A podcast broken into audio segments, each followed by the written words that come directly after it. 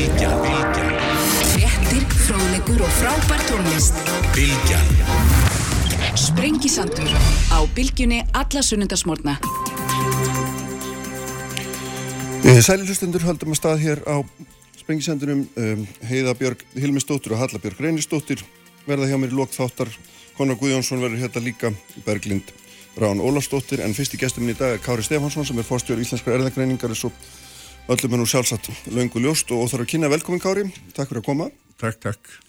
Hérna, Mér langaði að fara aðeins með þér svona holt og bolt hingað og þangað yfir þessa stöðu sem við erum í í núna og svona kannski ef ég má bara svona opið byrja hérna, hva, hvað svona lestu út úr þróunin í síðustu eða taka einhverja svona tvær síðustu vikur eða eitthvað þýjanlíkt Hún, þessi þróun er, er að vissuleiti sól til ráðgáta. -hmm. Og hún er daldur flókin en eitt vit við þó að það er engin merti þess að inn í landið hafi komist síktur einstaklingur síðan við tókum upp tvöfaldastjémun mm -hmm. Svo bylgja sem er í gangi núna, hún á rættu sínar í, í uh, veiru sem komst inn í landið í kringum 15. ágúst eða fjórum dögum áður en að, að tvöfaldstímin var tekjun upp. Og það er aldrei sérstætt við um líklega eina landið í heiminum sem að raðgreinir veirun úr öllum sem greinast mm. og kostunum við það er þá vitum við nokkur við einhverju samsetningin á, á þeirri bylgju eða þeirri farsótt sem er í gangi og það gerir auðveldar að rekja smitt en, en það er alveg ljóst að, að þessi bylgja sem er núna, hún hefur byrjað í ungu fólki mm. sem er að, að sætja bari það byrjaði með, með hópsmittum í, í, í tveimur börum eða nýri miðbæ og hefur síðan verið að breyðast þessu eldur um sinu í samfélaginu mm. er, hefur farið víða, mjög víða og eh, við höfum séð fjölda af nýjum smittum sem að jafnast á við það sem er vest í vor mm -hmm. og uh, ég hefði á tilfinningunni að, að þegar, þegar þessu líkur að þá verður fleiri búin að smittast í þessari bylgu heldur um þeirri fyrstu við erum komnir vel yfir 3000 smitt og, og uh, verið slítið láta þessu mm.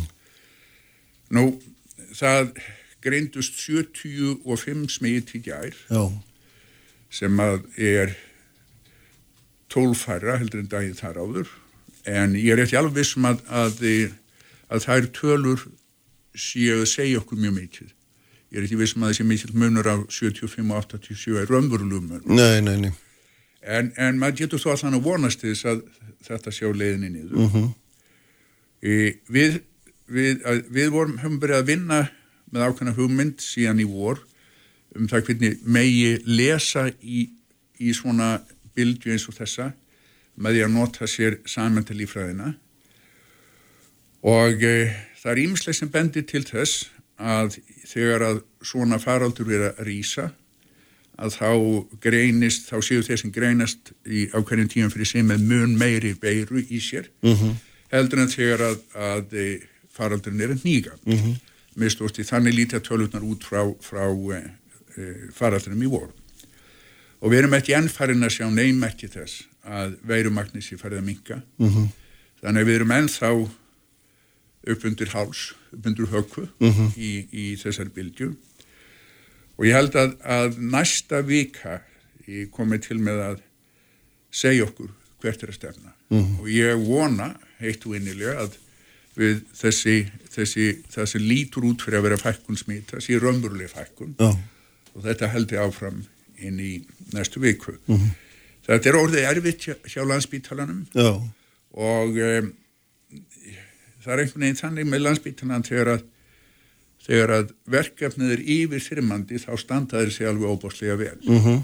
í spítalan í vor var sko starfaðir eins og vel æfð fljómsveit uh -huh.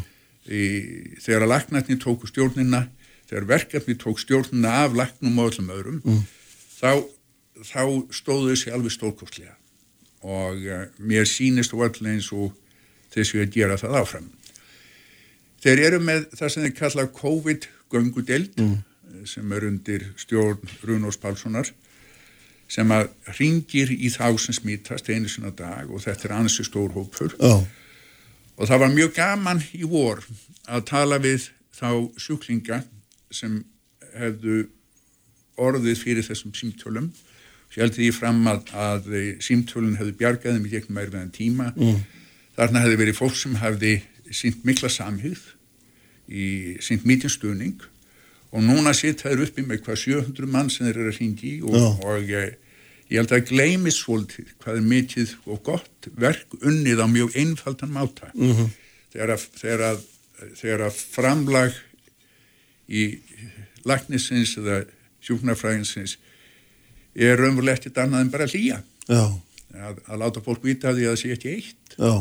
Mér finnst það mjög flott en, eh, en þetta er erfitt eins og stund En er, skiljið þá rétt að, við séum að glíma raun og veru núna í allir þessari bylgi við smitt úr einum eða tveimur ferðamennum sem komið, það sé svona að dreifingin hún Sko, það, það, sem að, það sem við höfum, og við erum bent af áður, er við, við raðgreinu veirun úr öllum sem að greinast. Og veiran hún stökkbreytist og þó svo að stökkbreytingatíni sé ekki mjög há mm. þá er hún búin að fara svo víð að hún sapnar á svo miklu stökkbreytingum og uh, það er umverlega þannig að við fjórða hvert smít þá myndast ný stökkbreyting mm -hmm. í, og í, það sem þetta gerir að verkum er það við getum við getum ákvarðað hvort að öll þessi smít sem eru hér núna, hvort að ég rætu sínar í í mörgum, á mörgum stöðum eða einum mm -hmm. og þetta, þess, þessi smíti er þessi stað í einum í einu smíti, uh -huh. í ein, ein, einu minnstu stoppbreytinga mm -hmm. sem við kallum setröð eða haplotípum og e, e, þessi, þessi veira fannst við, þessi stöð, þetta stoppbreytingamenstur fannst fyrst 15.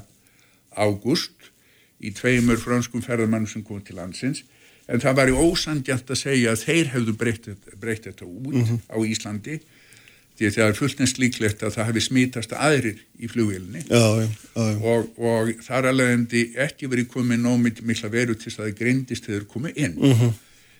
en, en 15. ágúst er fjórundum áður með tókum með tvöfaldastíman En það er alltaf þá eins og þú ert að reykja það að einhvern megin að fara að draga úr þeim kröfum eins og er á, á flugvallinu með þessa tvöfaldastíman það myndir að þeim allir þínum huga bara aldrei komið til greina. Í, Það hvað? væri mikið glæfra spil. Það er að segja að þetta eru það eru það eru, það eru hópur af fólki hérna úti sem heldur því fram að eðlilegast var að takast á við, við þennan faraldur með því óskupegum fallega hunsan Já, já og um, menn kalla þá nálgun oft sænskuleiðina þó svo að svíjar hafi breytt mjög mikið frá upphafinu. Mm. upphaflega þá, þá voru þeir eftir að dreifa í so, sóttvarnar tætjum til heilbriðistarsfólks og svo framvis og framvis og, og teknjál talaði þetta aldrei eins og hann vildi bara reyna ná hjarðunum í grænum hvernig nú það er hægt að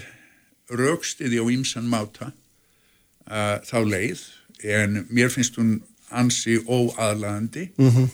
en þess að þú ert raunverulega með því að fórna þeim sem að eigundur högg að sætja út að fórna gömlu fólki og það er fólki sem er með undirleitjandi sjúdóma þannig ef þú allar að reyna að hemja þetta mm. ef þú allar ekki að hleypa veirunni lausvi heldur reyna að hemja þessi smitt þá er alveg nöysilegt á landamærum að hafa töfald smid mm -hmm. verður að við getum ekki hamið þetta með einnistíman þegar á þessu tímabili frá 15. júni og, og framendir hvena var það sem við tókum með töfaldastíðnun einhverstaðar 19. ágúst eða slikt þá komust inn í landið e, tveir síktir einstaklingar fyrir hverja tíu sem við náðum á landamærum mm -hmm.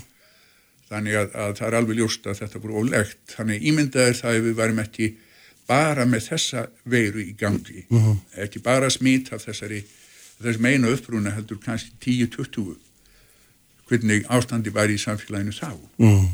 En þú konstinu að þetta er mjög áhugaverðan hlut um það hvernig menn er að horfa á þetta núna og mér langar eins að fá álitið á þessu líka og ég man ég byrjaði að tala um þetta hérna við Þórólf einhvern tíman í júni held ég einhvern tíman hérna þar var svona dragur áhrifum á valdi sótartalegnisins og, og aðrir að koma inn í það að taka fleiri hagsmunni og hérna og í voru var þetta mikill einhugur um, um það hér meðal þjóðurinn en mér finnst það svona hann er daldið að bresta og fleiri og fleiri rattir sem eru að koma með einhverju aðra skoðanir. Hvernig, hvernig, hvernig höndlu við þetta besta þínu um þetta? Ég, ég held að það sé ekki slæmt, ég held að það sé gott mm. að menn tjá í skoðanir sína mm. og það væri nú meiri bölguð vittlistan ef Íslandingar eruðu allt í unni til langs tíma sammála. það var, var illa farið fyrir þessari þjóð en ég vil bara leggja á það áherslu að þegar við erum búin að taka ákvörðun mm -hmm. að, að þegar yfirvöldur er búin að taka ákvörðun um að við ætlum að gera þetta á einn máta þá verður þetta ekki gert af annan máta mm. þannig að það sem að þetta er svo leið sem er valinn þá finnst mér við um að styðja hana þó við gaggrínum hana mm. ég hef verið sammála þórólfu um flest en það er fullt af litlum atriðum sem ég er ósamálunum um og við ræðum þau ekki ósjaldan mm. og ég sætti mig alltfélag við það að það eina sem ég ger í þessu sambandi er að, að ég er í hópa á fólkinir í Vestmýri sem er að reyna að búið til skilninga á sér veiru mm. en síðan er það að einn aðili sóftanarlegt úr fólki kringum hann og síðan ráð þeirra sem taka ákvörðunum um hvernig við ætlum að taka á þessu nú var fyrir nokkrum dögum síðar var, voru hert ansi mitið á sóftunum og, og e, mjög margt skinsamlegt gert í því sambandi. Ég hefði viljað fara lengra mm -hmm. til dæmis að, að í, eitt af því sem við, við leifum núna er að skólanir síu opnir. Og e, rauksandi fyrir því er meðal annars úr að börn hafa minni tilhengu til þess að smittast en fullornir og börn smita síður um fullornir þetta vitum út á rannsók sem e, Pál Melstæð gerði hjókunni í Vasmíri mm -hmm er staðrindinu svo að, að börn hafa bara 50% minni líkur af því að smítast en fullornir og eru 50% síður líklega til að smita en fullornir en enga síður smitast þau mm -hmm. og enga síður smitast þau aðra uh -huh. þannig að ef þú allar að fara í þetta fullri hörku mm -hmm. það var ímislegt sem að ég hefði gert öðruvísi en, en Þórólfur er að fara í svona meðalhófs milli leið sem honum er eins og honum einum er lagið. Er einn ein, ljúasti, fínasti, flottasti maður og, og, og ég stíðan 100% í þessu. Mm. en, en við erum svo heppin sem þjóð að ég ræða sér ekki heldur hann Já, einmitt. En hérna, en er, þetta er náttúrulega mjög mikill línudans eins og nefnir og hérna, og svona, hvernig sér þetta fyrir ef, ef að hérna, svona næstu mánu ef að segja það ef að við ætlum að dansa svona eins og eftir harmoníku tónlistar sem að harmonikkan þennst út og svo hérna er hún dregin saman og, og saman við opnum og lokum til skiptis ég, ég er alveg Erstu alveg rólegur yfir þessu? Ég er alveg rólegur yfir þessu. Við, við mistum þessa veiru út í samfélagið í kringum 15. ágúst mm. áður en við vorum búin að setja á þessa tvöföldustímun það hefur e ekkert smít komist inn í landi síðan þannig að þegar við verðum búin að ná, ná tökum á þessari bildju mm -hmm sem ég er alveg handvissum okkur text á tiltúlega stuttum tíma að þá held ég að við séum komin á þann stað að það kannski blossu upp e, lítil hósmið hér og þar en við getum haft tiltúlega opið samfélag. Mm -hmm. Ég held að við hljóttum að geta haft samfélag þar sem við getum komið saman, hlusta á tónlist saman, farið í leikhús og svo framvegis mm -hmm. e, í, með því að við halda þessum, þessum aðgerðum á landamærum. Nú, ég stíl mjög vel og, og ég meina það sem ég segi, ég stíl mjög vel að þeir sem að, að vinna við ferðarþjónustu vilja að það sé opnað en ég bara skítrættur með ef við myndum opnað þá myndi þetta lokast af sjálfum sér uh mhm. Vegna þess að, að þau lönd þar sem fólk býr sem kemur til Íslands að það myndi loka okkur það myndi loka okkur vegna þess að smitt smittstuðlun er orðin svo hár -huh. þannig að ég, ég, ég held að að endanlega þá þjóniða hagsmennum ferðarþjónustunar til langframa að takast á við, við mm. þessa pestamindilegan máta. Mm, mm. Hvað segir hann svona um, um, um stjórnmálinn og þess að hennan ballans á milli helbriðis kervisins, helbriðis starfsmannana, yfirmanna þar og, og svo stjórnmálana?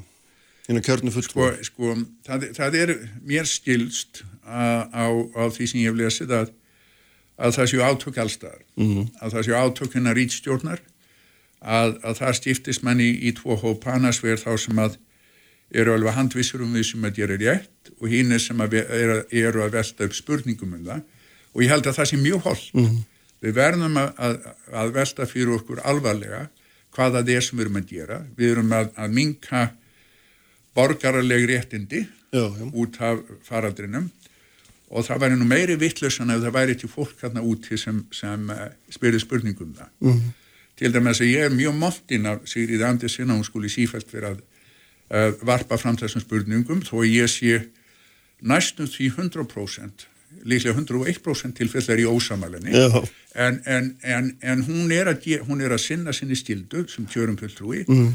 að varpa fram þessum spurningum og ég held að við eigum að halda áfram að gera það þess að, að þó sem ég finnist að harla ólíklegt að það muni gerast hér að þá hafa stjórnmálumenn að víða um heim verið að nýta sér þannig faraldur til þess að, að takmarka réttindi borgarana Mm. En, en e, í þessu tilfelli þá erum við umverulega að horfast í augu við mjög erfiða fest sem er bísna banvæn. Og mann með ekki gleyma því að þó að til dæmis dánað tína völdum þessara veiru virðist vera minni núna hættur hún var í vor, þá er það sko beinfallega að við erum að greina fleiri. Já. því það er verið að stí, stíma víðar í heiminum. En, en þessi pest er bísna vond fyrir fólk sem er, er fullorðið og, Já. og er með undirlítjandi sjúdóma Já, tölum aðeins um það eftir sem ég langar að hérna, halda áfram þetta svo þetta nefna á annan tíðin að því að maður sér það hjá þeim ef maður kalla það svona gaggrínendur stefnuna sem við höfum fyllt eftir og þeir vísa mjög mikið í dánartíðni hérna, segja hún hafa farið svo lækandi þeir benda á ímis lönd og segja að þetta er hérna, uh, þetta er ekki svo hætta sem að menn halda fram. Og dánartíðin eigi að vera sem sagt sönnun um það. Sko e, þegar við þegar í vor hjá okkur þá stímum við meira heldur en nokkuð þjóð í heiminum. Og við komast að þeirri nýðustuðu í gegnum stímunna eina saman fyrir verunni að dánatíni var í 0,6% á Íslandi. Í síðan þegar við vorum búin að, að, að stíma fyrir mótöfnum á komið ljósa það hefði helmingi fleiri síkst þannig að þetta var að dánatíni hjá okkur endar á því að vera svona 0,3% Út í heimi voru menn að tala um dánatíni upp undir 2,3%. Nú eru menn að tala um dánatíni sem sé um það byrju 0,6% sem er það sama og var hjá okkur í vor þegar við stímuðum svona víða. Þannig ég var ekki hissa á því að endalega þá kæmist við þeirri niðurstuðu að dánatíni var í 0,3% þegar hinn er byrjað að stíma fyrir mótefnum líka. Þannig að ég held að, ég held að það hafi rumulega eftir breyst í haugðun veirunar heldur úrskup einfallega það sem hefur breyst er það hvernig menn er að breyðast í faraldunum, menn er að skíma víðar og til þess að geta rekna út ánatíni þá verður að vita nákvæmlega hver dreifing veirun er í samfélaginu. Og það var ástæðin fyrir því að ég man það að, að okkar okkar e, afstifti af þessu byrjuðu þannig að ég var að kæri vinnuneit morgunin og hlusta á, á BBC World News og, og þeir voru að tala um dánatíni í Kína og ef ég maður rétt á voru þeir að tala um dánatíni på 2,3% og ég stildi ekki hvernig þeir gáttu reknað þetta út án þess að vera búin að stíma við því Já, samfélaginu. já, þannig að því ég kom í Vassmýri þá stakk ég upp á því við félaga mín að við myndum bjóðast þess að stíma. Mm stilja þetta betur í okkar samfélagi. Þannig að ég held að veiran sé som við sig. Ég held að hún sé þrjósk og sé ekki þetta breyt um hegðun og það hafi ekki breyt um hegðun hingað til.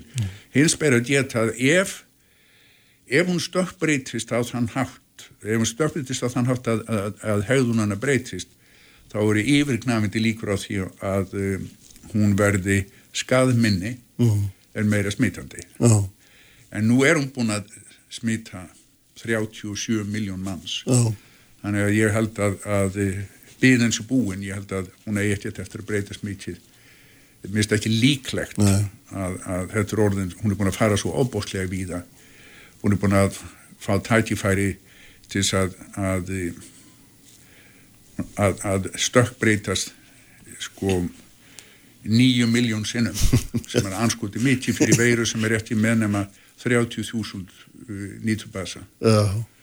En þarna, sko, að því þú talar um veirinn og hvernig hún haga sér svo fram með eitt af því sem allavega svona sem að algjör leikmaður finnst svona ráðgæta er hversu misjaflega fólk veikist og, og, og hérna meðan að sem er labi gegnum þetta tveimur, þreimur dögum og, og svo er fullt frýst fólk sem að nær sér ekki á streik fyrir hennar mörgum mánuðum liðnum og hefur alls konar fylgikveitla. Hefur, hafið þið eitthvað svona, og ég ger ekki ráð fyrir öðrun að þið hafi velt þessu fyrir ykkur sko þú tekur bara venjulega influensu þá, þá fer hún ofbóstlega mismandi höndum um fólk -hmm.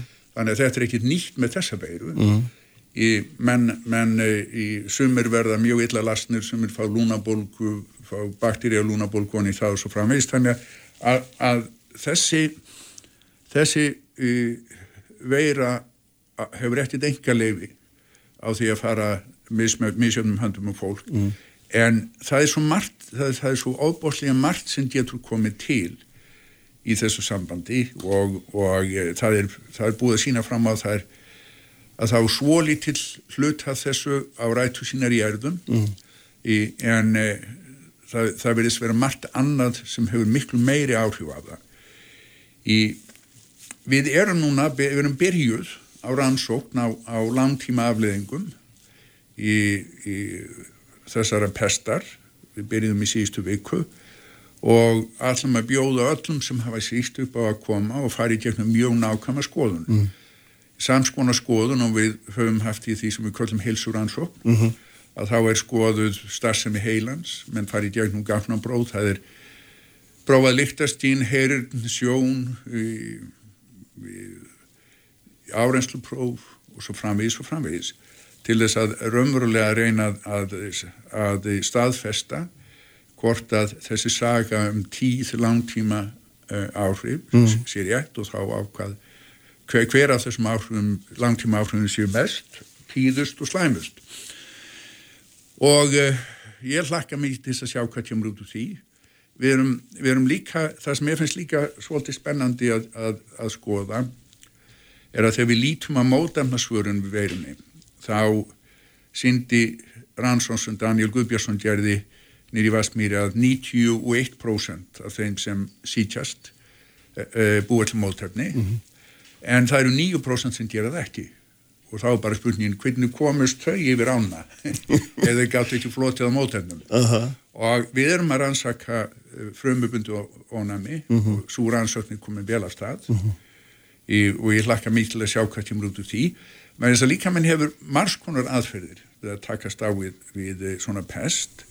Og veikleiki í þessum aðferðum leiðir til þess að, að eh, leiðir til þess að, að eh, menn verða lasnarinn ölla og þegar menn að tala um sagt, að gamalt fólk fer verið út úr þessu heldur núnt fólk og það ávið um allar pesti alveg sama hver hún er. Dána tíni gamalt fólks úr af öllum ástæðan er hærri heldur hjá ungu fólk bara eðlilega náttúrulega. En, en það er engin sútumur í okkar sögu sem hefur rannsakaður af þessum krafti. Mm. mann eru stöðust að rýna í þetta og mann er að sjá í þessum sútumi ímislegt sem að finnst ju í allflestum öðrum sútumum mm.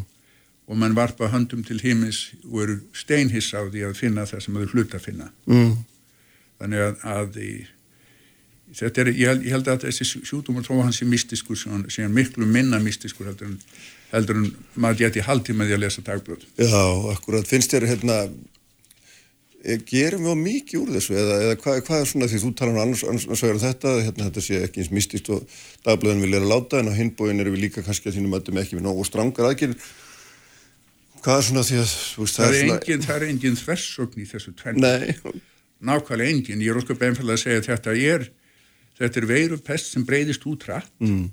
þetta er veirupest sem að, að, að vegur harkali að þeim sem eigundur högg að sækja og, og þess vegna finnst mér alveg sjálfsagt að samfélagið beiti hörðum aðgerðum til þess að hefta útbreyslu eitt af því sem ég ætlast til í minni frekju af þessu samfélagi mm. að það hlúa þeim sem minna með sín mm -hmm. og, og þessi, þessi sænska leið sem hann er að tala um Já. sem byggir á því að hleypa veirunni lausri hún er aðferð sem að, að lokar augunum fyrir þeirri nöðsinn mm. að hlúa þeim sem minna með auðsinn. En ég er ekki, er í þínum huga útilokað að gera þetta með einhverjum templuðum hætti þar að segja að hleypa verun einhvern mening gegn en venda um leið? Já, það, það, það er það sem að, hérna, svona einhverjur milli, eh, einhverjur milli leið, margir er að tala um einhverjur milli leið á þeim tóga? Ég á, á, á kunningja í sem er sem er, er skal ég sér, mjög vel þekktur faraldsfræðingur mm. sem uh, er professor við, við Oxford sem að, að ég hef talað við nokkrum sínum að sístu vikum og hans hugmynd var svo að, að hvetja ungt fólk til þess að fara út í samfélagið og sítjast í, til þess að búa til hjarðónami í einangra eldra fólk frá þeim en þetta er bara svolítið erfitt begna þess að hvað er eldra fólk og hvað er yngra fólk mm -hmm. þú verður að skilgjana það fyrst og hvernig ættar að reysa múr millið þeirra, mm -hmm. það er mjög flókið mm -hmm. Ég, ég er ekki alveg vissum að, að þessa, þessa millilegður, síðansmikla millilegður eins og menn eru að tala um Nei. að ég held að við eigum ekki annan kost en að reyna að hefta útbreysluna mm. eða leifa þessu að, að, að valsa um og heft Já. ég held að það sé ekki ég held að millilegðin sem henni er að tala um hún sé bara óskupið einfallega ekki til Nei.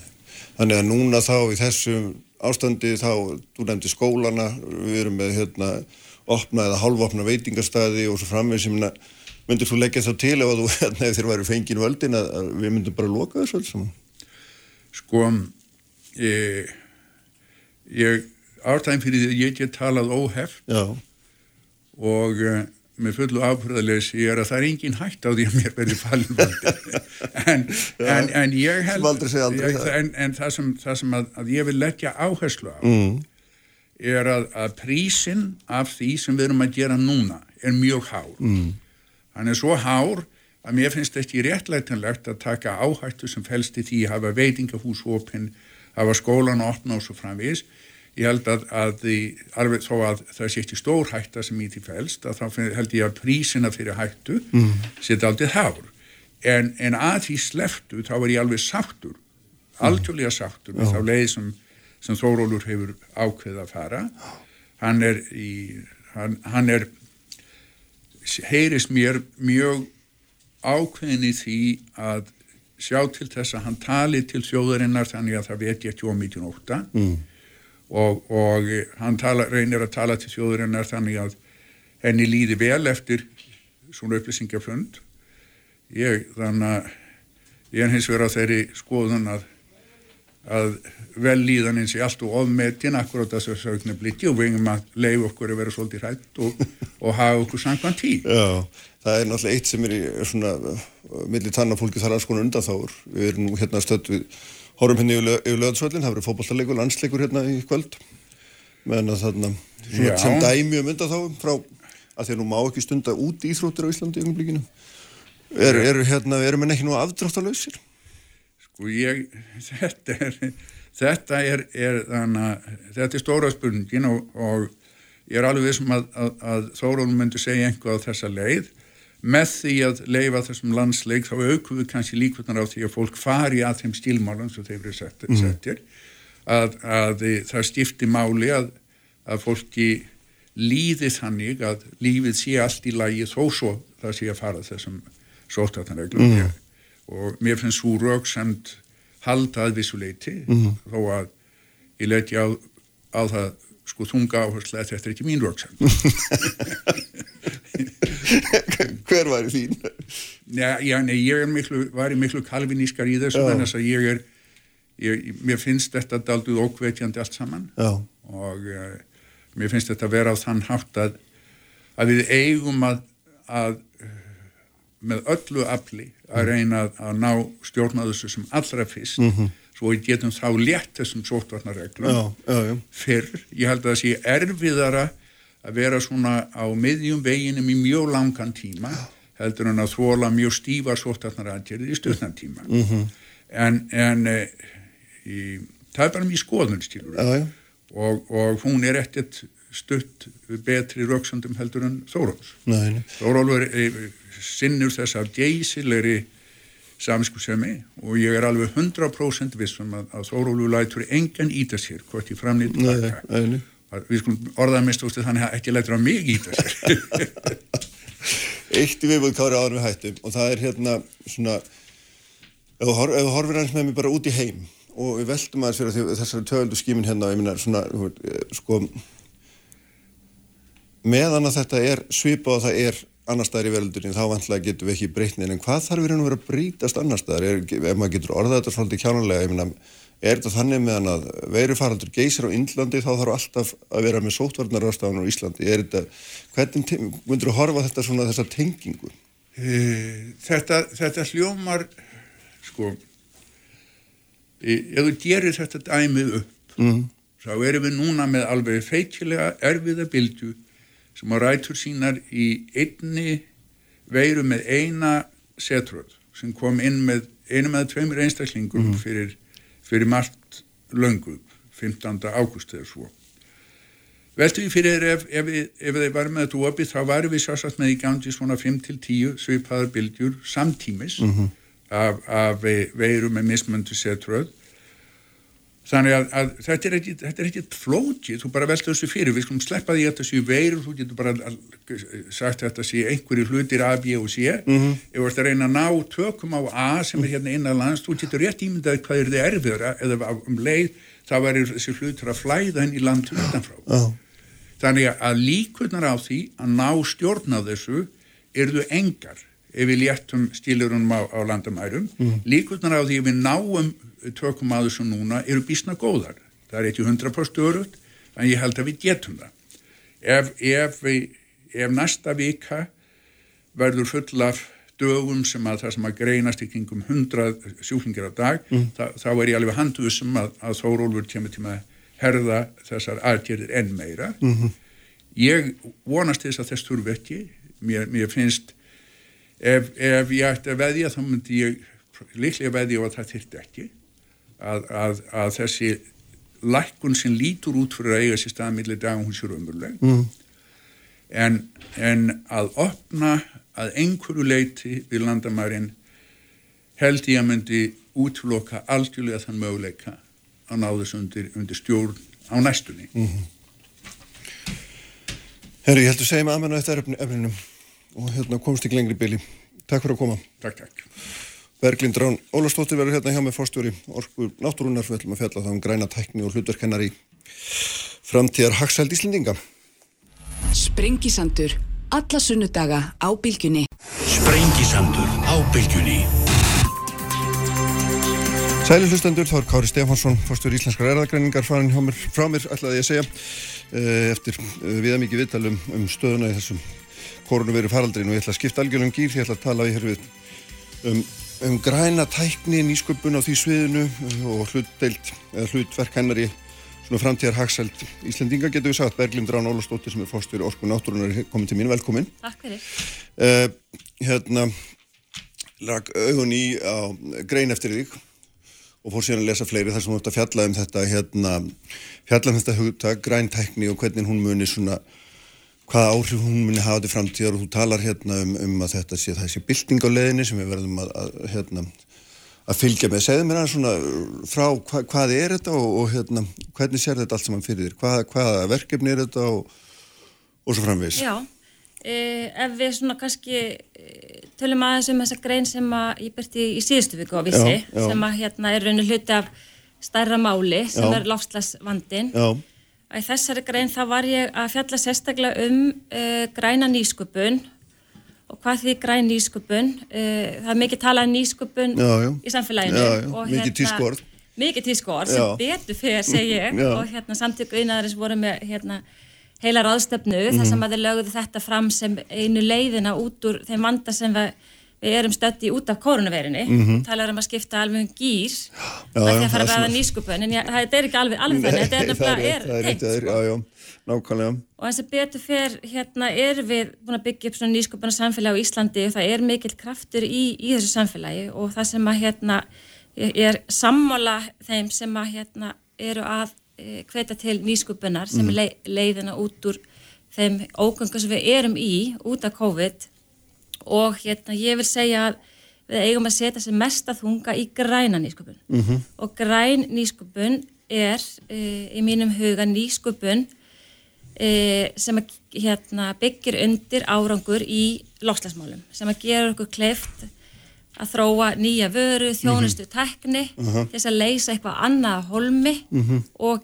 þetta annað sem er leist á holmi er þá eitthvað sem að losar meiri koldusring af gróðurslofthundir út í andrústloftið mm -hmm. heldur, heldur en það nýja sem að teku við mm -hmm. og þau getur verið að breyta og bæta ykkur sem heitir staðar eða hugsa upp eitthvað algjörlega nýtt einhverja algjörlega nýjar aðferðir og ástæðan fyrir að tala um þetta núna er, mér finnst þetta að vera góð tími til þess að tala um þetta og meðum ekki gleyma því akkurat núna þá við séum með þessa veiru hérna og erum hérna að losna við hana verna þess að nú stöndum við frammi fyrir því að það eru fyrirtæki í krökkum, það eru einstaklingar atvinnuleysir og, lausir og stjórnvöldum allan heim eru búin að ákveða að setja fjármagn til þess að byggja okkur upp. -hmm. Það á að gera það og þá er svo mikilvægt að setja fjármagnið á þá staði helst sem mest sem geta hjálpa okkur að leysa mm -hmm. samfélagslega vandamálin og stóra, reysa stóra samfélagslega vandamáli eitt af þeim hérna, mikilvægast er, er láfslagsváin og þess vegna er ég að skrifa þetta og hérna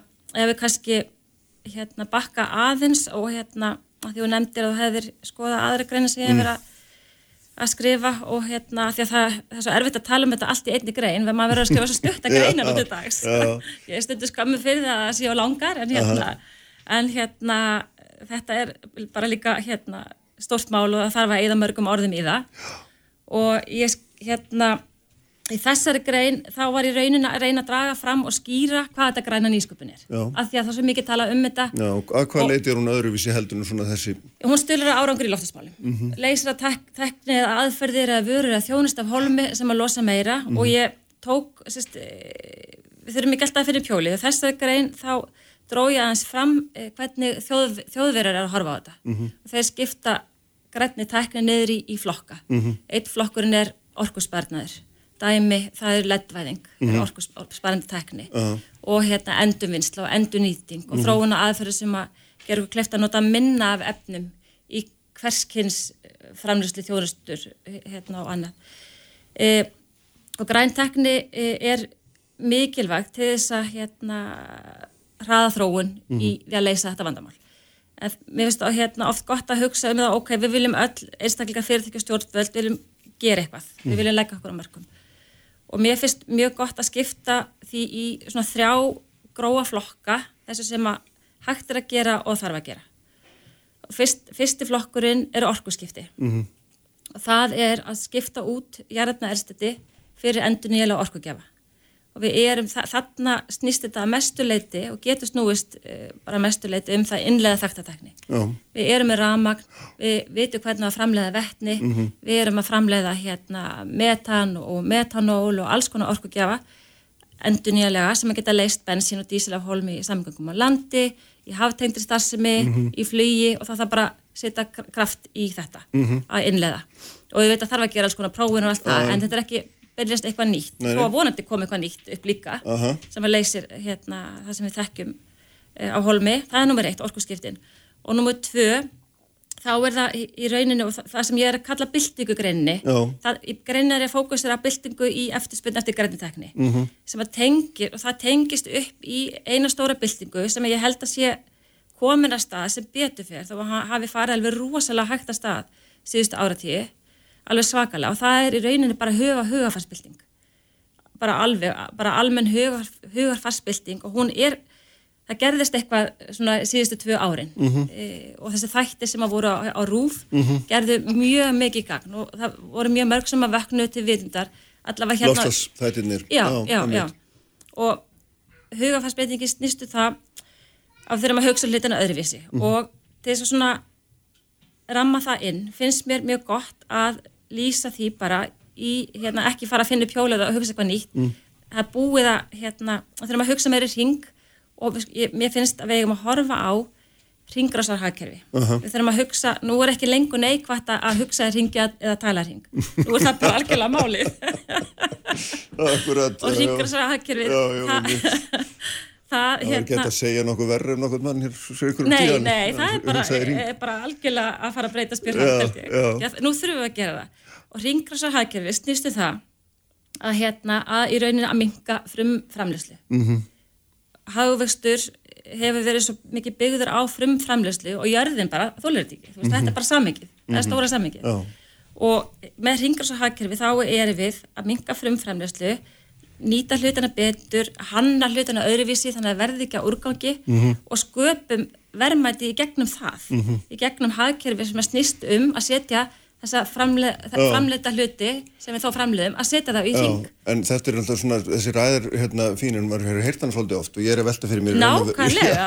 Já, en hvað... Svo þetta hvað- þriðja, Já, ég ætla, ég ætla já, að segja, ok. svo þetta þriðja, það er nýsköpunin. Já, Það eru orkuskiptin, það er hringrósahaggerfið Já. og það er nýsköpunin. Aha, Og ég er algjörlega sammálaður. Mm. Við erum, er, þetta er allstaðar einhverju plöggum, hringrósahaggerfi, hljóma rosalega. já, já. En það sem að hérna, ég held að hérna, sé staða núna, það er, það er kreðsta á Ísland og í heiminum sem skilur þetta mjög vel og finnst þetta alveg sjúklega áhugavert. Mhm. Já. Það sem að svolítið vantar núna er einmitt bara konkrétt hvað þýðir þetta fyrir mig hvað þýðir þetta fyrir, mig sem einstakling hvað þýðir þetta fyrir mig sem heimili hvað þýðir þetta fyrir mitt litla fyrirtæki að því sem að ekki, er ekki með eh, hérna manneski vinnu við að hérna halda til fylgjast með- sjálfbarni já, já. þannig að það, það var bara nákvæmlega það sem að hérna vantar og ég uh sammálaður og þá hérna bendi ég á Finnland.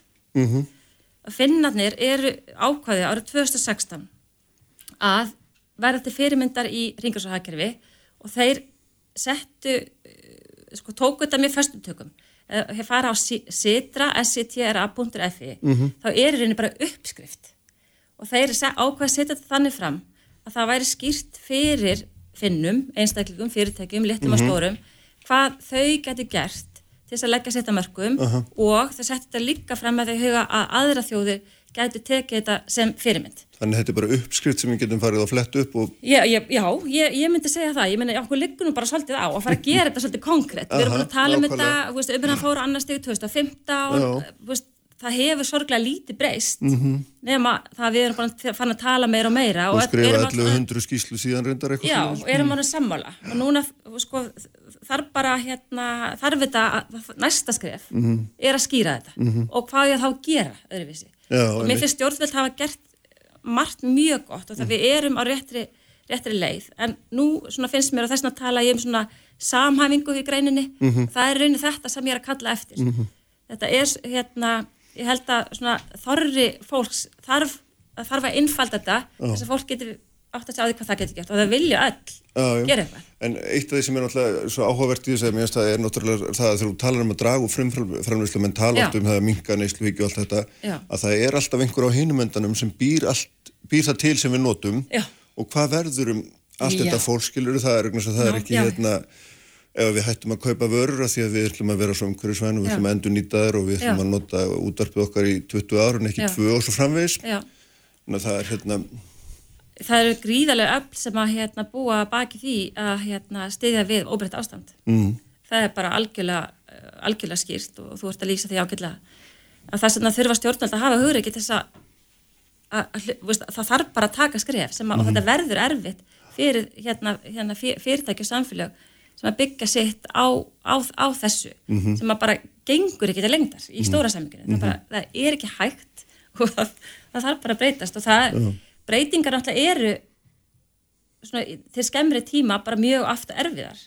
En við verðum að horfa á þetta sem hérna, náttúrulega nöðsynlegt verkefni og verðum að nálgast þetta út frá svona jákvæðum punkti og hérna og reyna að búa til umhverfi þar sem að ef það þarf að leggja eitthvað niður eða breyta einhverju algjörlega þá að stuðla að því að að út úr því, út úr þessum eh, litlum heimum sem er eiga erfitt út af þessum breytingum að það getur komið líka hugmyndi líka og nýja aðferðið og hérna ég Sérðu veit fyrir, að- sérðu fyrir þetta verði svona einhver, þessi græna tækni verði veiga mikið hluti af svona, hvað maður segja, íslensku hagkerfi eða eitthvað þess að Já, ég, ég held að við ættum að að stefna að því að auka hlut uh, okkar þar algjörlega. Bæði er þetta, hérna, þetta eru áhugaverð verkefni, það er áhugavert að hugsa um að búa til nýja lausnir og unga fólki í dag. Það hefur mestan áhuga á að vinna við verkefni sem hafa aðri tilgang. -hmm. Og þetta er mjög skýr tilgangur að við erum að vinna að því að búa til neyja leiðir til þess að au- hérna, sjá til þess að börnin okkur og badnabörnin búið við sömu lífskeið og við hefum búið við. -hmm. Til þess að það getur orðið, það þarf, þarf að breytast. Og hérna, þannig að, og, þannig að það, það, það er eftirspurn eftir þessu vörum, þetta mei, hérna, er viðskættalega hérna, góð hugmynd og það er, er eftirspurn og það er, það er tilgangur uh, með því að mm. fókusera þetta. Er, erum, við, erum, við, erum við að tala fyrst og fremst um í þessu, erum við að tala um tækni sem að tengist starfsemi sem við erum í, til dæmis þeirri starfsemi sem þú ert í, hérna orkuöflun og dreifing hennar eða erum við að tala því mann tala um í nýsköpun þá er mann að velta við sér á að stýrin eða ekki að stýrin á hann að fljóta bara frjáls og svo kemur já. allt í hún eitthvað Já, já, eða á já, að prófa eitthvað megin að fara eitthvað, eitthvað já. ákveðið Já, ég, sko, hérna, ég er að reyna að draga fram í þessari grein hvað græn nýsköpun þýðir. En ég þar ég ekki að segja að þetta eigi að vera ykkur alveg sér flokkur og inn í sér fyrirtækjum og alls ekki og nýsköpun þannig að þarf andrimi og, og kraft og þarf að vera flæði og má ekki vera ramma ómikið niður. Mm. Það, það er pening og, og það er gott að setja svona markmið tengt, tengt eh, til dæmis grænni nýsköpun, það væri mjög gaglegt þá móti verið það okkur til þess að ná ánangri en nýsköpun þarf að vera allstæðar þú veist, við erum hérna þú veist, eh, með varandi orkuskiptin og svo ringursa og nýsköpununa þá hérna geta allir geirar tengt sig við það. Þú veist, já, onn, þá erum við í orkuskiptunum, þá erum við búin að vera byggja upp hlöðu fyrir rafbíla ringin við erum að fara hérna bjóða upp á lausni fyrir heimili og, og hérna á fjölbili sem að vilja keira um á, á vistvænum e, orkugjafa mm. við erum að e, framlega vettni upp á heiði til hérna framlegsla og hérna þannig að við höldum að vettni verði einna framtíðar orkugjöfunum mm -hmm. rafmagnir er ekkert sérstaklega gott eins og tækninir í dag fyrir þungaflutninga, mm -hmm. þar er vettni miklu betra þannig eru við að leggja okkar að mörgum þar og önnu fyrirtæki geta gert alls konar e, í ringrásahugsunni þá eru við að að e, alltaf að svona, nýta jarðvarma auðlindin á hengilsvæðinu betur. Og núna með því til dæmis núna erum við að byggja upp jarðhættugarð þar sem að einn af að megin e, þáttunum við þeirri starfsemi er að nýta það sem er ekki nýtt í dag. Og þá erum við að nýta betur fara betur með auðlindajarðar mm -hmm. og til meiri vermaði úr e, minni, minni ágangi á jörðina með því að hérna, búið til vermaði úr, steinunaríku vatni Já, það er semst eitthvað sem kemur upp hvort þið er sem Já. hefur verið vannýtt eða bara farið til spillis og sem verður að gera úr. Já, það verður búið til fæðbótarefni úr steinumnaríku vatni sem var, var bara hent. Mhm. við höfum til alveg fullt af því þannig að það er ennþá tækifæri fyrir fleiri. Og hérna, og svo var þetta nýsköpunar það, það, nýsköpunar heima allstæðar Mm. og hérna, við erum að erum í slíku verkefnum, til dæmis erum við núna í verkefni það sem að við erum að hérna í samstagsverkefni með öðrum að vegum Európa-sambands að hreinsa koltisringin Mhm. það, það, það er lítill koltisringur sem kemur frá okkur og hann er hundra svona minni heldur en uh, framleir orku með kólum en við viljum bara sé núl, Já. ekki bara pínlítið við viljum sé núl, eins nálat núlinu og, og, og hérna raunhætti er. Já. og við erum að hérna e, í tilhörnaverkefni sem meðar að því að hann geti verið hagnýttur. Og, sérst, og nota þá í framleyslu þar sem við seljum hann sem vöru. Og þá þarf okkar viðskiptavinnur í jarðegarðinum e, til dæmis örþrungaframleiðindi sem við erum með þar þá þarf þessi viðskiptavinnur okkar ekki að kaupa e, framleitan e, kolsýring heldur kaupir kolsýringun af okkur þegar við erum búin að hérna, náður hensan og notar hann í sína starfsemi. Og þá hérna fer hann ekki út úr loftið og restin ætlum við að, ætlum að hérna, dæla niður með Carfix. Mhm. það sem að hérna stengirist og, og, og, og aldrei framar sjáum við, sjáum við það, þau Já, göss ég heyri að þú ert mikill eldtúi í þessu en hérna, ég meina, sko, nú tölum við um það hérna aðeins áðan að við hefum mikið talað á Íslandi um Já. alls konar svona hluti. Finnst þér svona almennt talað að við stöndum okkur vel? Af því ég veit á hátíðastundum segja það alltaf allir en svo svona þegar maður er búin að vera í svona starfum sem ég er búin að vera í mörg ár þá er maður aldrei mikið alltaf að tala um með svipaða hluti og finnst já, svona, já. þetta er svona, ég veit ekki, standi staðaldið. Sko við, við hérna við finnst alveg með um standugu betur Mhm. og hérna þetta er veist, það er 2020 núna segi, það er ekki 2030 sem betur fer 2050 þá þurfum við að vera sem, sem heimur já. það er innan að 30 já, ár já, já. og við erum að tala svolítið Já, já, áratíu Þetta er 30 ára spretthlaup. Já, þannig að við náttúrulega, þú veist, með að aðra þjóði þá stöndum við mjög vel vegna þess að við búum að þessum auðlundum. Mm. Aðra þjóðir er ekki það hefnar. Mm. Flestar þjóðir eru að reyna að losa sig við kóla orkuver. Mm. Við erum ekki þeirri aðstöðu, Nei, nei. þannig að við eigum frekar lítið eftir, en þá þurfum við bara að klára það. -hmm. Og hérna, þannig að, hérna, nei, við, við, við megum ekki svona bara, hérna, e, í rauninni, svona vera ofur róleg að því að við erum svo heppin að vera með hittaveitu og, og, og enda nýjara, nýjara rammarslöðanslu. Við erum að nota jarðnælstiti í landsamgöngur, í já, í alls konar. Við erum að klára okkar bara, þróa nýja Mm. tækni í gegnum nýskupun, í gegnum þá vinnu að klára málinn í okkur og hjálpa svo heiminum til þess að við getum náðu þessu til 2050. En ertu mikið að horfa á þetta, tala um græna tækni, ertu mikið að horfa bara á innanlandsmarkað við sem að gera þetta hér eða er, eru þið að horfa á að flytja út þekkingu og hugmyndir og Já, ég, ég, ég myndi segja algjörlega að, hérna, að- flytja út Mhm. og hérna bæði hérna, það bæði meikar hér svona viðskiptilega sens, afsakið hvað ég tala hræðilega og, og svo líka umhverfislegar og siðferðslegar ástæði fyrir því að vættum að beina kröftum og, og peningum í þetta í þetta, þennan farfi og besta dæmi náttúrulega er hérna um þetta er Carbfix Já. sem að margi þekkja. Og það er aðferð sem er þróið af, af vísinda og teknifólki Orkuvitur Reykjavíkur, Háskóla Íslands og fleiri að tekin ákveðin um að þróa nýja aðferð til þess að losa okkur við jarðhættugus á helliseiði í staðan fyrir að nota tekni sem að var til. Og það reyndist svona mikil eh, hérna, gæfurík ákverðin mm. að hún hefur leitt þess að við náum að hérna, binda þessa lofthundir þannig að hérna, miklu betur, það er miklu örugari leið til að binda, það er bara að verða steini. Mhm. það losna ekki upp aftur sem að er vandamál við svimar teknir sem að eru til. Mhm. og þetta er ódýrari tekni líka. E, þannig að þarna fer þetta saman umhverfi og, og, og, hérna, og fjárhagur Mhm. og svo er þetta ymmit svona tekni sem að aðri geta nýtt og það, það er fyrirtæki bara núna stopnað um áramótin Já. sem heitir Carbfix Já. og er hérna eitt af dótturfélögum Orkuvitur Reykjavíkur og er að bjóða öðrum bæði á Íslandi og annar staðar Mm. upp á að nota þessa tekni til, a, til að binda þá losun sem, a, sem verður í ímiskonar framlýstasemi mm. og það þetta, þetta er gott með, þetta er ekki töfralösnin Nei. aðal málið er að þurfum að losa minna Já, já, úr blessinum. Menn get ekki nota þetta sem hérna syndakvittun. Nei, þetta þarf að vera með en Mm. það, það, það fylgir alltaf einhver losun og ef við ætlum að vera kolumnum slutast 2050 Já. og þá, hérna, þá verðum við að fjarlæga líka og, hérna, og það er röð þróun í slíkri tekni mm Mhm. -hmm. Climeworks sem er vinskiptavinnu hjá okkur á Jærðagarðinum þau þróuðu tekni og eru alltaf að halda áfram með það til að fanga koltvísring úr andrúsloftinu Mhm. -hmm. og, og svo dælur hún niður með Carfix e, þannig að það sé hagkvæmt Já. og það er náttúrulega bara geggjað og, og, og hérna og svona vinnu með en við vefum ekki hérna vera ofróleg þó að hérna svona tekni því að Nei, þetta er bara, þetta er eitt, eitt búslið sko. Já, en þú sem sagt svona niðurstaðan er svo að þetta, þessi græna tækni, hún er eftir að spila stór hlutverk á, á næstu árum. það ætla ég svo sannlega að vona Já. Ljómundi gott, Berglind. Takk einlega fyrir að koma. takk sem leiðis Konrar Guðjónsson, hagfræðingur, verður hérna hjá mér eftir augnablik. Uppspretta frétta á Sprengisandi á bylgjunni.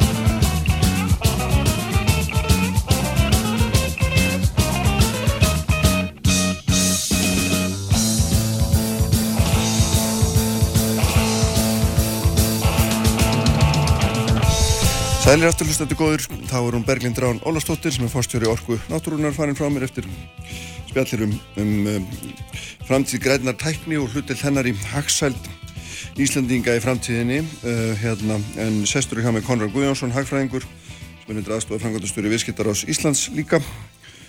Uh, Velkomin. Takk. Sko þarna mér langaði aðeins að svona tilumni var aðeins að hérna, það var haft eftir í fréttablaðinu að þú teldir að uh, fyrirtæki og fleiri greinum heldur en ferðarþjónustu þurft að fara í hýði í vetur með öðrum mónum og þau myndu leggja niður starfsemi bara að loka og býða eftir blómleiri tíð. Hvað ert að hugsa með þessu? Hvað, hvaða geirir er þetta og, og hérna, hversu víðsamt heldur þetta verði? Sko það sem maður kannski aðalega hugsa er það að þetta verist vera að draga svolítið á langin og vera að hafa svona kannski þá sem aflenga því mögulega verri afleðingar og svona afmarkaða geira heldur en bara snýr beintað ferðarþjónustu og mér finnst það allavega að kalla tilöfni til þess að svona endurskoða aðgerðir að, að, að fara aftur yfir þær og, og svona breyta um, um stefnu mögulega ef tilöfni til og, áttu og reyn, við reyna þá að markmiðin alltaf fyrst og fremst það að þau fyrirtæki sem eru í góðum rekstri og eru vil- lífanleg að þau séu tilbúin þegar að lífið kemst af- aftur á sinnstað uh að því að það hættan sem skapast núna er svo að uh, fyrirtækin þau verða gjaldtróta eða lenda í öðrum alveglegum vandræðum að þá muni efnagslífið vera lengur að komast að stað, það verður erfið að vinna á, á atvinnleys og, og, og svo framvegs það er kannski hugmyndin og ég svona sínir stjórnvöld hafa að hérna, átta sig einhver leiti á þessu með þessum uh, breyttu lókunastyrkjum til Já, dæmis já. sem að eru gangast þeim sem að hérna, uh, þurfa að loka vegna þessa. En ég held að megi líka þurfi ekki bara að hugsa um þá sem eru, þurfa að loka beinlíni skagvart sko reglunum uh, sum starf sem er gríðalega skert bæði hvað var það fjölda viðskiptavinna og hérna og svo opnum tíma eins og veitingastæðina og, og ég, hérna, ég held að þurfa að hugsa kannski meira. En svo náttúrulega þetta er eins og annað sko, þú, þú vilt samt einhvern veginn ekki fara að taka algjörlega sko, markaðin úr, úr sambandi, þú vilt ekki fara að hérna, búa til einhverja svona skakka kvata til þess að einhver þróun sem að var hérna uh, óumflíjanlega, hún eigi sér ekki stað þannig að ég held að þurfa að fara einhver liti varlega í þetta, mm -hmm. en einhver síður tilum til þess og þetta snýst kannski þurfa upp í staði bara um, um forgámsröðin og svo líka annað, það er náttúrulega líka maður að horfa til þess er að við, það er nú þegar búið að gera rosa mikið. Já, já. og það með að við fjárlög, fjárlögin og fjármála áallin þá erum við fara í mörg hundru miljardar hall á hverju ári á ríkisjóði Já, og svona í 900 miljardar næstu fimm ár Já og það svona gefur auðvitað að þá er nú kannski ekkit mikið meira hægt að gera og, og, og þess vegna þeimun meiri ástæða til þess að reyna að skerpa á, á þessum úrræðin sem hafa verið búið Já, en þú, þú ert að tala með öðrum orðum um það að, hérna, að, að svona Uh, sko, skerpa þessum úrræðin sem hafa verið í bóði styrkja, lókunarstyrkina og framveginn þetta er náttúrulega margt að þess að verið í gangi og hefur kannski fæstaði svona virkanir sérstaklega vel eða hvað? Að, svona, það, er, er misjamt sko, eins og lókunarstyrkinir þeir virkuðu kannski ekki alveg sem skildi en ég svona, hef trúið því að þessi breyting muni gera mm. verkum að þeir virkuðu ekki eins og vel svona alltaf þekkjum við söguna með hlutabótalegina þau, hún var mjög umdelt Já. ég held að allir hafi lært svolítið að reynslunni hvað hana var þar og því held ég að það hljóti að koma til álita einhvern veginn útvíka hana aftur mm -hmm. færa, þannig að sé mögulegt að færa eitthvað nær 25% starfslutu eða eitthvað slíkt uh -huh. um, með, þá, með hliðsjóna þessu sem að hérna bæði fyrirtækin og stjórnvöld hafa lært af henni mm -hmm. og svo er náttúrulega annað sem við hefum séð það er þessi svona stuðningslán og, og brúarlán stuðningslán gagvar svona minni fyrirtækjum og brúalánin. Mm. Stuðningslánin, sko, þau, já, það er nokkuð, þau eru nokkuð eftirsótt og ég, svo sem ekki tölurnar, en það er búið að veita fjölmörg þannig. Mm -hmm. En brúalánin, það er einhver tregða þar og samt heyri maður bara á samtölum við fyrirtæki að það er fullt af fyrirtæki sem eru í kannski erfiðri og þröngri stöðu hafa orðið fyrir miklu tekjufalli en kannski fyll ekki nákvæmlega inn í falla ekki nákvæmlega inn í þann ramma, mm -hmm. þar auki kannski bankan er líka mjög heikandi eða þeir þurfa þá að taka alla áhættin á sig já. þannig að ég held að þurfu einhvern veginn að hérna, reyna að, að kannski það, ég held að þessi tækifæri þar til að, að, að laga það því að veist, það eru náttúrulega veist, það eru vissulega takmörk fyrir því hvað aukinn skuldsetning getur leift fyrirtækjum langt áfram en Já. við erum að koma úr sögulega skuldsetningu sem er ekkert mikil í íslensku samengi hvað var að fyrirtækin og það er náttúrulega bara skuldir fyrirtæki að það er einbyrðisur mjög mismunandi, sum skulda lítið og hafa þá kannski sögurum til þess að taka á sig þetta högg í gegnum einhverju aukna skuldsetningu og, og, og ég til að vegna þess að þetta eru svona ótrúlegar aðstæður og þá sé tilöfndi þess að reyna þá kannski endur skoða þessi brúanlán til þess að ná til slíkra fyrirtækja Já. ef það er hægt. Og það er náttúrulega svo sem skiptir ekki máli hversu mikið maður skuldar ef maður hefur engar tekjur. Það, hérna, það breytir óskup litlu sko, og en uh, er ekki, er ekki bara komið að því að það er að fara að ræða það einhverju alvöru að, að sko, stryka bara yfir skuldi sem allir sjá að verða aldrei greitar að óbreyttum? Það, sjálfsagt er það einhverju tilfellum en ég held að það sé nú bara fyrst og fremst hlutverk bankakerfisins og fjármálastofnana Já, já, að líta á það. En, en hérna og það gerist ekki nefna með utan á komandi Nei, og, þá komu öðru, það er ekki, þú veist, við getum ekki bara setja hérna og sagt bara ríki gera allt, ég held að þetta sé líka uh, lánadróknar þurfi líka að, að hérna bara vera vel vakandi og vanda sig mjög vel, sem ég ve- veit að ég geri en uh, bara það að við erum að horfa á þessa bylgi núna og það getur komið fleiri uh, það ætti raun og veru bara brína held ég að mínum mati lánastofnir og aðra sem að hérna, og leigursál og fleiri til þess að reyna að leita leiða til að, að, að þetta að, að hérna horfa aðeins fram í tíman og sjá að, að þetta sé kannski þá fyrirtæki, reyna einhvern veginn að koma til móts við fyrirtæki sem gætu þá uh, staðið af sér stormin Já, ég held að sé allir sammálinn það að hérna, fyrir utan veiruna sjálfa þá er svona stærsta vandamáli er þetta atvinnuleysi. Já, Gríðalegu fjöldi fólk sem að hérna, hefur enga vinnu og, og hérna, fáttu nú verra í lífinu það og þarna, hvernig, hvernig horfið þið á það?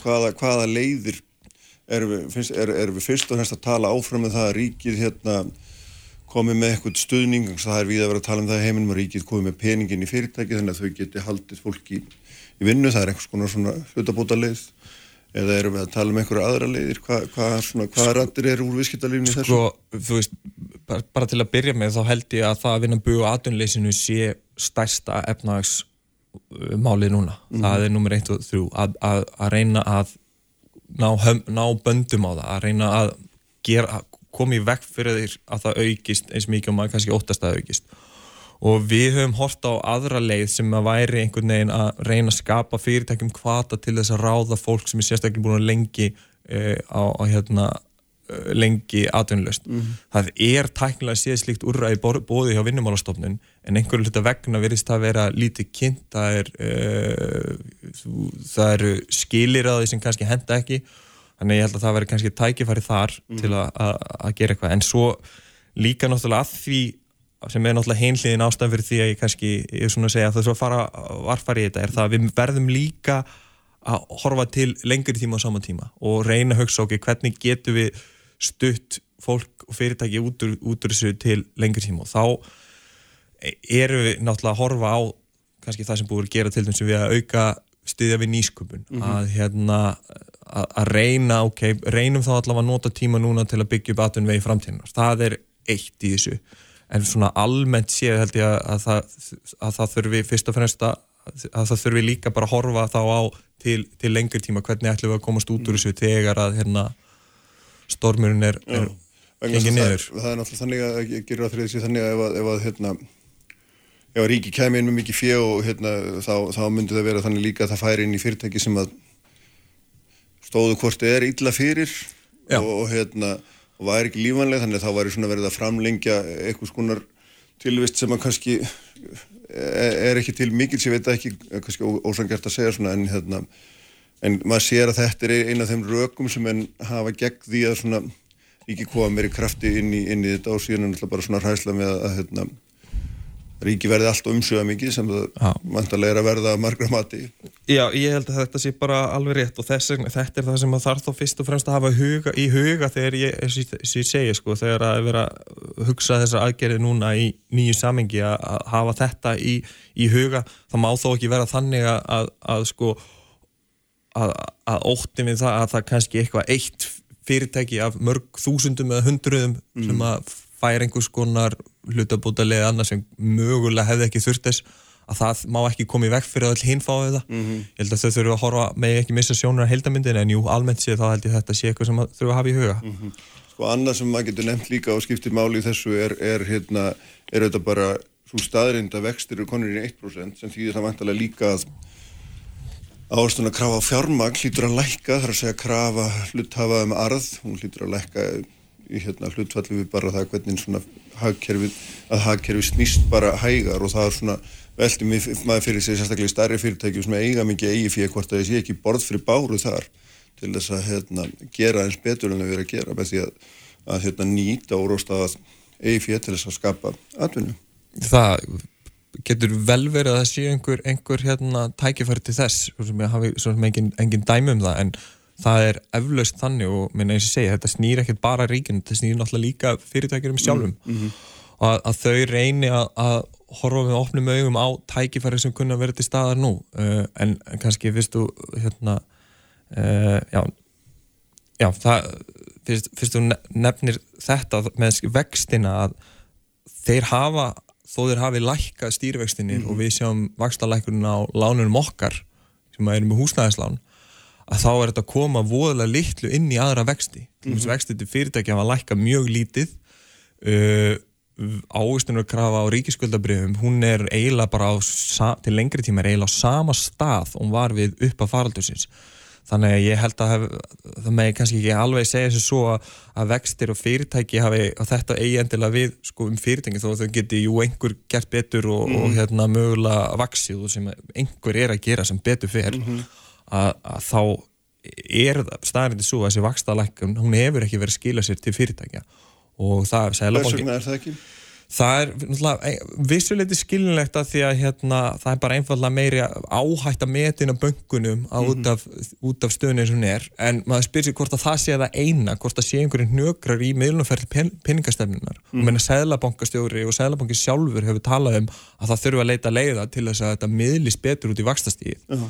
Og svo eins og á skuldabriðamarkaði þá bara ég, ég, svo sem hef ekki almennilega skýringuna það er kannski takmarkaður fjöldi fjárfesta sem er þar og lítið af fjár, erlendu fjárfæstum sem er tilbúin að taka inn og, og, og fjármagna ríkisjóðu mm. núna og þá hækka einfallega vextinir svona öðru óbreyttu og, og minna, það, það er held ég eitthvað sem til mikils að vinna að reyna að ná niður langtíma vöxtunum til þess þá að fyrirtæki mm -hmm. geti gert eins og þú segir uh -huh. að þau geti þá ráðist í fjárfæstingar og mögulega séð sér hagi að vaksa í einhverjum getur verið hvaða atvinnugrein sem er en náttúrulega við horfum á hvar, hvað vantar okkur núna, okkur vantar fyrst og fremst útflutningsgreinar, það vantar þriðungina útflutninginum þannig að það væri óskandið þessi þar en, en það þarf ekki útiloka annað. Nei, nei, einmitt, en svo náttúrulega hinn hlýðin á öllu svona er auðvitað það að, að, að ef það er lítill fjárfæstingavilji og lítill fjárfæstingakvæti þá skiptir vakstast kannski ekki öllu máli heldur sko En ekki öllu máli en auðvitað skiptir það einhverju máli, jújú, jú, það, það, það, það dregur einhver leiti úr því en minna, veist, er, þetta er ekki þannig að það er að það er kreppa þá er lítið af fjárfæstingkostum og þá virkir peningstöfnin ekki, það er bara, það er, ég held að það sé bara, veist, voðalega lítið til í því. Mm -hmm. Það sem að kannski það segir að það segir okkur frekar að það eru takmörk fyrir því hverju vakstalækkunum getur skila. Hún mm -hmm. getur skilað einhverju uh, og getur búið til aukið tröst og getur gert verkefni arðbær út frá sjónarhóli fyrirtækin sem værið ekki annars og þannig hjálpa þeim þó að horfunar séu slæmar. Mm. og ég held að það megi sko allavega megi ekki vannmetað og, og, og, og svona afskrifa einhvern veginn þannig að það sé bara ekki hægt að því að við erum í kreppu og staðan sér slæm. Nei, eh, sko, Eitt af því sem að veldur alltaf fyrir sér alltaf í svona stöðu er það, er það hversu svona misjaflega þetta bytnar á á hinnum og þessum og, og þá getur maður kannski þessu bara einfalda máli sagt stórfyrirtæki og lítilan sem ég ætla, hérna, ég ætla að, að draga ekki mörkin hérna sjálfur þá lendir maður í vanda ef maður getur sagt að svona 90% íslenskum fyrirtæki myndir flokka sem lítil allavega á svona euróska mælikvarða. Og þau eru náttúrulega oftast í þeirri stöðu að svona að eiga kannski ekki borð fyrir báru mjög lengi meðan að stærri fyrirtæki hafa náða að byggja upp sterkari stöðum og þetta lítur að skipta greiðlegu máli svona þegar mann er að skoða eitthvað heildamind hvernig er ekki, sko, fyrirtæki sem eru tíu starfsmenn að færri er sko burðavirkið í íslenskri fyrirtækjaflórunum í, í fjöldanum en já, í veldunni er hún kannski ekki alveg þannig nei, nei. fyrst og nefnir í alþjóðlega samengi þá held ég að svona 99,8% fyrirtækja séu mjög lítil. smá fyrirtæki, íslenska fyrirtæki séu smá fyrirtæki. En, en hérna jú, það er þannig en enga síður þá eru, ég var ekki með töluna fyrir fram mig, ég held að samt að um, um helmingur starfsfólk á Íslandi sé hjá fyrirtækjum sem með eitthvað um 50 starfsmenni eða fleiri mm. með, öðrum orðum þú veist, það svona millistór, þú veist, það eru langmestu mestu massin er í svona millistarða fyrirtækjum mm -hmm. af starfsfólki og veldu og þannig en, en ég hef svo sem bara verið að hjáta, ég hef ekki séð endilega alltaf í gögnunum að það sé þannig að það sé bara stóru fyrirtæki sem hafa mikið borð fyrir báru Nei. þetta er fyrirtækin eru bara ólík, þau eru ólík eftir geirum og, og svo frammeðist þannig að, þú veist, jú, kannski á þetta við einhverju leiti en ég held að megi ekki, þú veist, fara að flokka bara, já það er bara að horfa á lítil og meðalstóra því þau eru svo mikil í fjöldanum, held einmitt að því að það þarf að horfa á þetta heldan, mm. það verði líka að taka til til stærri fyrirtækina mm. því er ekki að ég bara horfa á þau og ekki horfa á litlu, þetta er bara, það þarf að horfa á heldamindina, mm -hmm. það er nummer 1 og 3 að því að eins og ég segi, ma stór massi af, af starfsfólki er hjá millistóru fyrirtækjum náttúrulega stóru fyrirtækjum líka Mm. Þegar hún nefnir geirana, hvaða hérna, við þekkjum af umröðinni hvar gengur illa en hvar gengur vel? Það er auðvitað einhver stað líka. Sko í sömar þá gekk, svona svolítið auglust, það gekk vel í ímiskona verslun og innlendri þjónustu. Mm. Uh, það gekk vel þá en ég held að það fari núna hratt verslandi í þessum aðstæðum sem eru núna, mm -hmm. almennt séð minna, einhver, minna, við þurfum nú samt á okkar nöðsyn að verum að halda þannig að það kannski heldur velli. Og, og hérna e, við, við sjáum það líka það er hérna, gengur ágætla á, á, á fastnæðingmarkanum, ég held að við þurfum bara að hugsa ok, hvað er fólk að gera núna? Mhm. að annað þau sem maður ekki að gera vanalega þá verður maður svona, svolítið fljótur að kveikja, kveikja á því, það eru svona afmarkar kemar, Mhm. verslunar og, og eins og segi, fastegnamarkaður og, og fleira sem að gengur ágætla en aftur það sem að kannski maður er mestar ágjör af ef maður horfir á útflutningin uh, og segi, við erum búin að missa að því að það er forsenda svolítið mikið fyrir þessari verslun Mhm.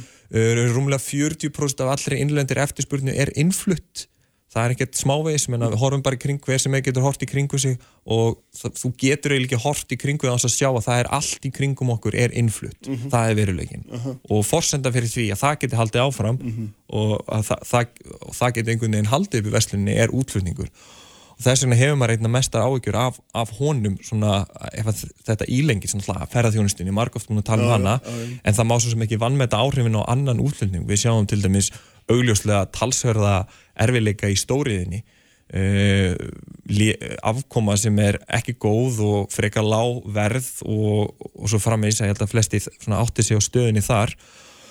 Og minna, kannski erfiðar að segja til um sjáarótu en kannski ekki eins mikið þar en minna, ef þetta ástand ílengist í heiminum og þá held ég að það sé eins og ég segi, það muni fleiri greinar finna fyrir þessu svona lengri áhrifum og það held ég að sé stærsta áhyggjuefni svona að því að, að því að það er svo mikil grunnforsenda fyrir öllu hinnu að við getum flutt að, að við getum að flytja út, að við getum flutt inn til þess að halda upp í neyslustínu og mér finnst oft svolítið gleymast í þessari umræði sem verður núna að við getum einhvern veginn þurfum að styðja vinnlenda neyslu og það sé bara þá hérna, þurfum að hækka laun og bara ríkisjóð með rosalega halla.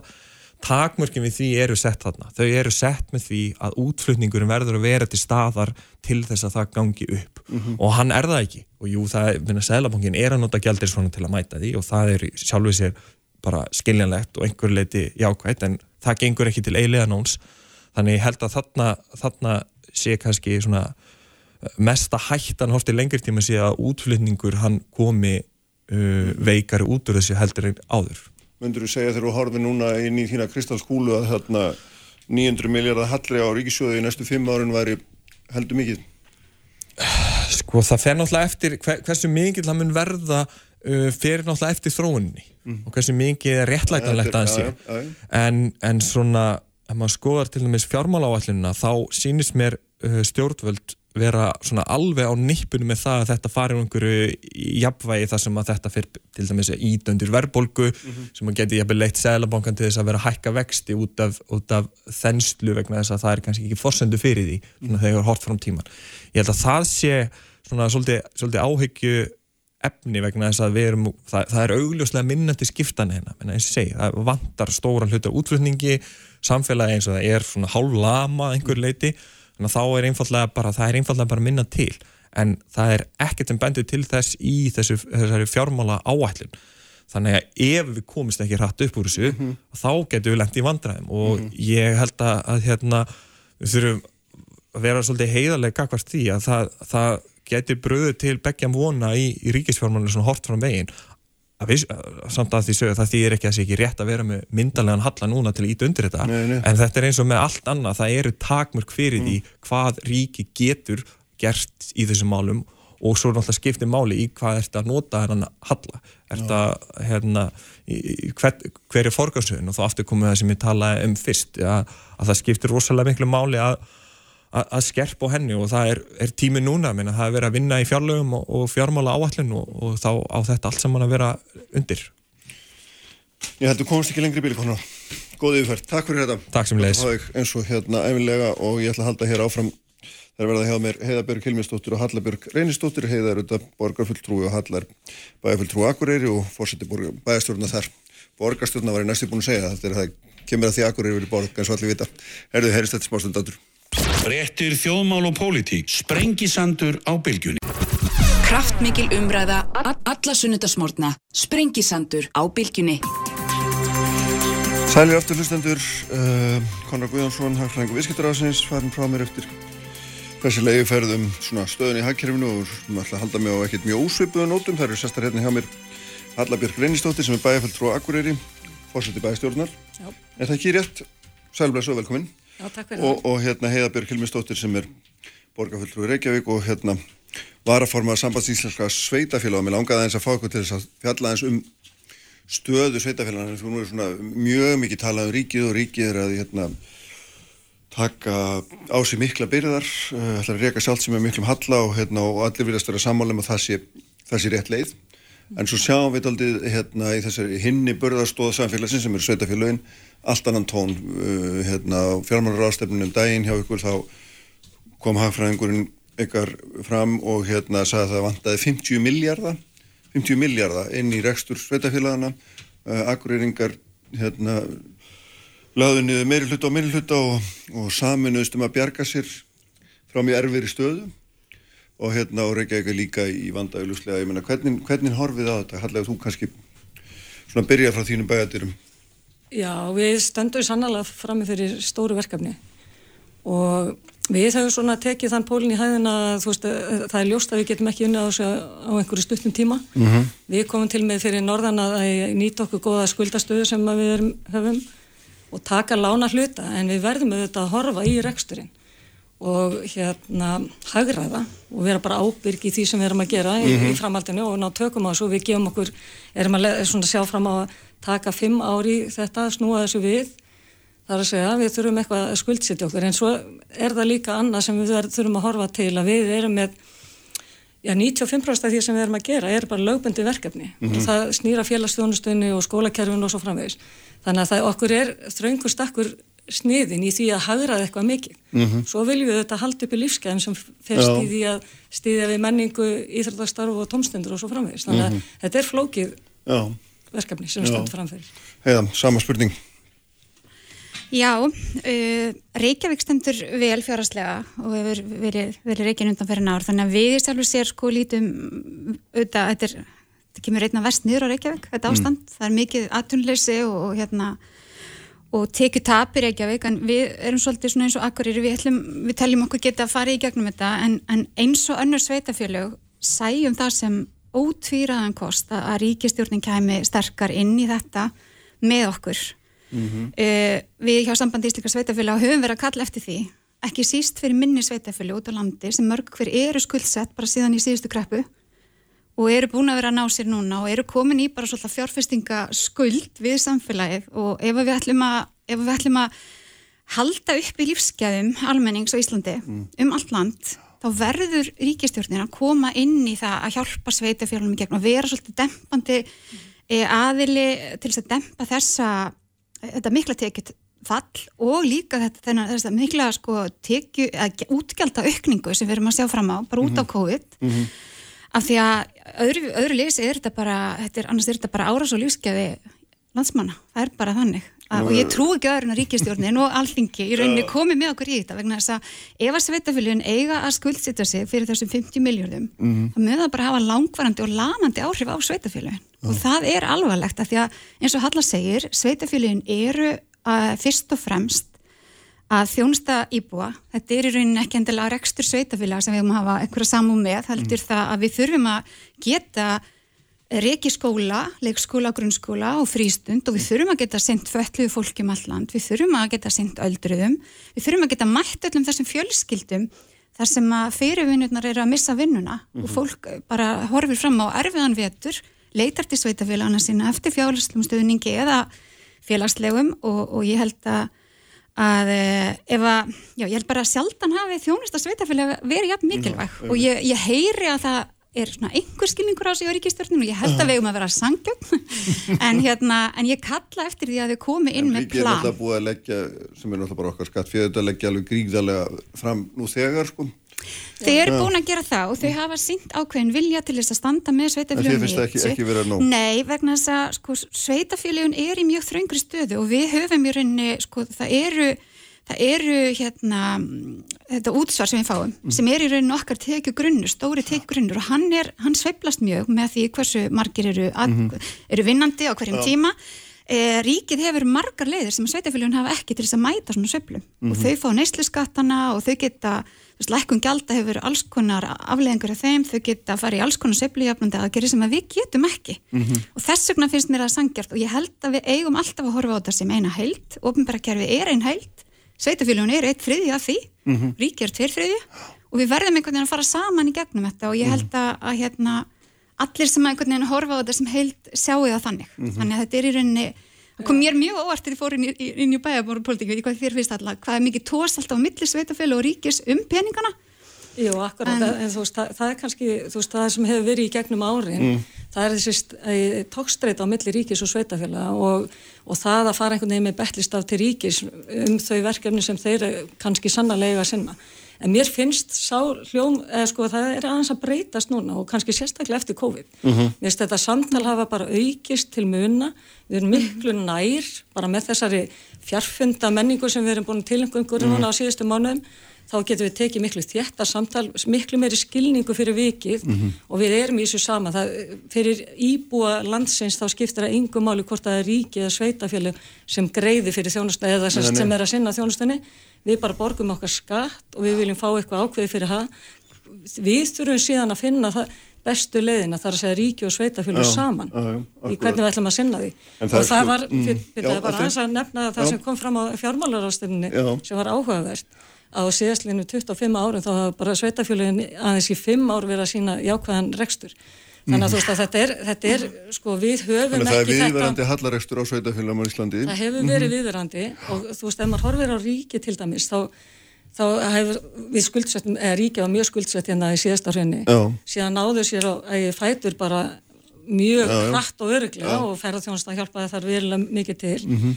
en og sveiflan þannig að við erum, erum þau stakk búin eða ríkið er stakk búin til þess að takast við á við þessa kreppu en sveitafélagin er ekkert á sama stað þau sveiflast ekki svona hratt Mhm. eða hafa ekki þessi tækifæri og ekki þessa hérna, já bara tekju stopna Mhm. sem þau geta sótt í Þannig að þau get ekki tekið þátt í því að fjárfæst okkur út úr þessari kreppu eins og mikið þetta var hérna mikið og vinsalt slagorði upp að við ætlum að fjárfæst okkur út úr kreppunni og manni skildist nú að hefði ofnbæra það í heilsinni, ætlaði allt að standa baki því en ég Já. sé það nú ekki alveg vera raunggerast í Ég sveit- rekstri sveitafélagana núna. Nei, það, það reyndar mjög misjátt hvernig sveitafélagin standa og, Mhm. og hver- hversu mikið skuldsettu eru, við sem betur fyrir er ekki mikið skuldsett og getum auðvitað tekið lán, en það eru auðvitað, við þurfum að greiða þessi lán og það eru það er sami almenningur sem þarf að gera það, Mhm. hvort sem að ríki er að skuldsetta sig eða sveitafélag. Mhm. Þannig að við þurfum auðvitað að passa okkur í því líka, við þurfum að fjárfesta þá í réttum verkefnum sem skil okkur hagræðingu til lengri tíma. Mhm, mhm.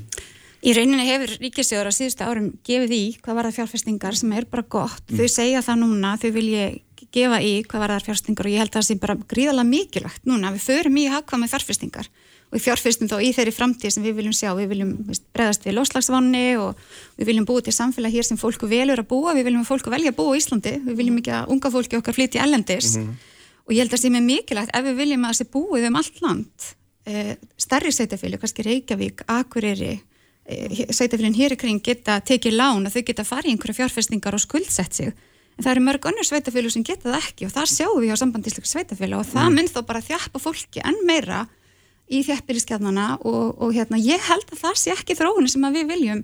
Tala ég nú samt sem borgarfull og allir eru velkomnir til Reykjavíkur. En hérna ég, einhvað síður sko, sem var að fórum að samanslíka sveitafélaga þá verð ég að segja að ég, mér, það, það skiptir mig miklu máli að fólk um alland geti nálgast á þjónustu sem það þarf og við byggjum upp innvið og þegar við erum að tala um uppbyggingar innviði sveitafélaga þá erum við að tala um við erum að tala um að byggja upp leikskóla við erum að tala um að byggja upp grunnskóla húsnæði fyrir fatla fólk þjónustu fyrir aldraða við erum ekki að tala um einhverja sko, hérna, fínar hallir eða einhvern óþarfa. Þetta eru bara grunn innviðir sem þurfa að vera til staður í samfélagum til þess að fólk velja að búa þar. Og svo talandi um sko, að veita þjónustu einmitt út á landi, þá er, þá er þetta sem við hefum verið að kalla eftir á Akureyri og núna er hafið þetta samtal við ríkið um þetta borgar hlutverk Akureyri, Já. fyrir þá þann landsluta og Og sem er Akureyriði borg, já, já. Já, jú, jú, jú, jú, e- að hvort sem hún kallast borg eða ekki, þá er það samt sem að þetta borgar hlutverk, alveg eins og Reykjavík sinnir hérna alveg gríðarlega stóru svæði og mm. sveitafélagin í kringum Reykjavík blómstra því að það er alls konar þjónust að finna í borginni. Og e, sama má segja um Akureyri, þú veist, við erum þannig að halda upp að mjög háist þjónustustíði fyrir mjög viðfemt landsvæði, bara Austurland og Norðurland allt. Og það skiptir máli að okkur takist að halda þessari þjónustu uppi. En hver, hver, hverju myndi það breytast þess, hverju myndi það breyta ef þessi skilgreining væri er, þið ofan á? sko, Hva, hva, hva, hvað máli skiptir það í raun og Ef veru? það væri einhvern veginn viðkend að landsmönnum eða, og, og þá ríki að, þú, að þetta væri okkar hlutverk þá er sangjart að, að alveg eins og er komið að þjóðleikúsi, rekstur þjóðleikúsi eða, eða symfóniuljónstar eða, eða bara hörpu sem Mhm. dæmi til þess að halda upp í menningu og þeirri þjónustu að þá væri það sama gert fyrir norðan og það væri ekki á herðum einhverju 90.000 manna sa- samfélags þar Já, að halda því uppi. Þannig að það er alls konar svona sem að við getum nálgast þetta hlutinu bara af einhverju sangirni, horta á þetta svona sem heildarpakka þar að segja ríki og sveitafjölug og svo deilt niður þeim fjármunni sem við höfum, sangjart. Já, við skulum hérna gera östullí og höldum svo áfram eftir augnablík. Sprengisandur. Alla sunnudaga á bylgjunni. Uppspretta frétta á Sprengisandi. Á bylgjunni. Sælir aftur hlustundur, við erum hérna á loka-loka sprettinum og sprengisöndunum í dag. Það eru hérna hjá mér Hallabjörg Reynistóttur og Heiðabjörg Kilmistóttur. Við erum aðeins að ræða svona hvernig svona þessi grunn fjónustæði sveitafélagunum verður úti á þessum, þessum tímum öllum sem við lifum í dag. Hérna, sko Halla, það er, það er hérna, við erum að tala um samdrátt fyrir norðan eða að mista ástu svona að þið þurfið að skuldsetja ykkur fyrir því að halda upp í sama standard vegna þess að þið hérna, þurfið að grípa til, til ráðstafana sko menn er náttúrulega mikið að tala um það líka það sé mikið mistök í svona árferðið að draga saman í ofnbjörn rekstri. Vegna þess að enga geirin á mjög undir högg að sækja og þið finnir þannig vantarlega mjög í ferðarþjónustunni fyrir norðan gerir ráð fyrir. Og þá sé hérna þá sé það óðsmaðsæði að, þarna, að draga líka saman í ofnbjörn rekstri. Hvernig horfið á þetta, þetta hlutverk eitthvað núna við að halda bara gangandi svona hjólunum? Já, við tökum það hlutverk mjög alvarlega og, og, meðalans þess vegna erum við þetta að horfa á að við þurfum að skuldsýta okkur. Mhm.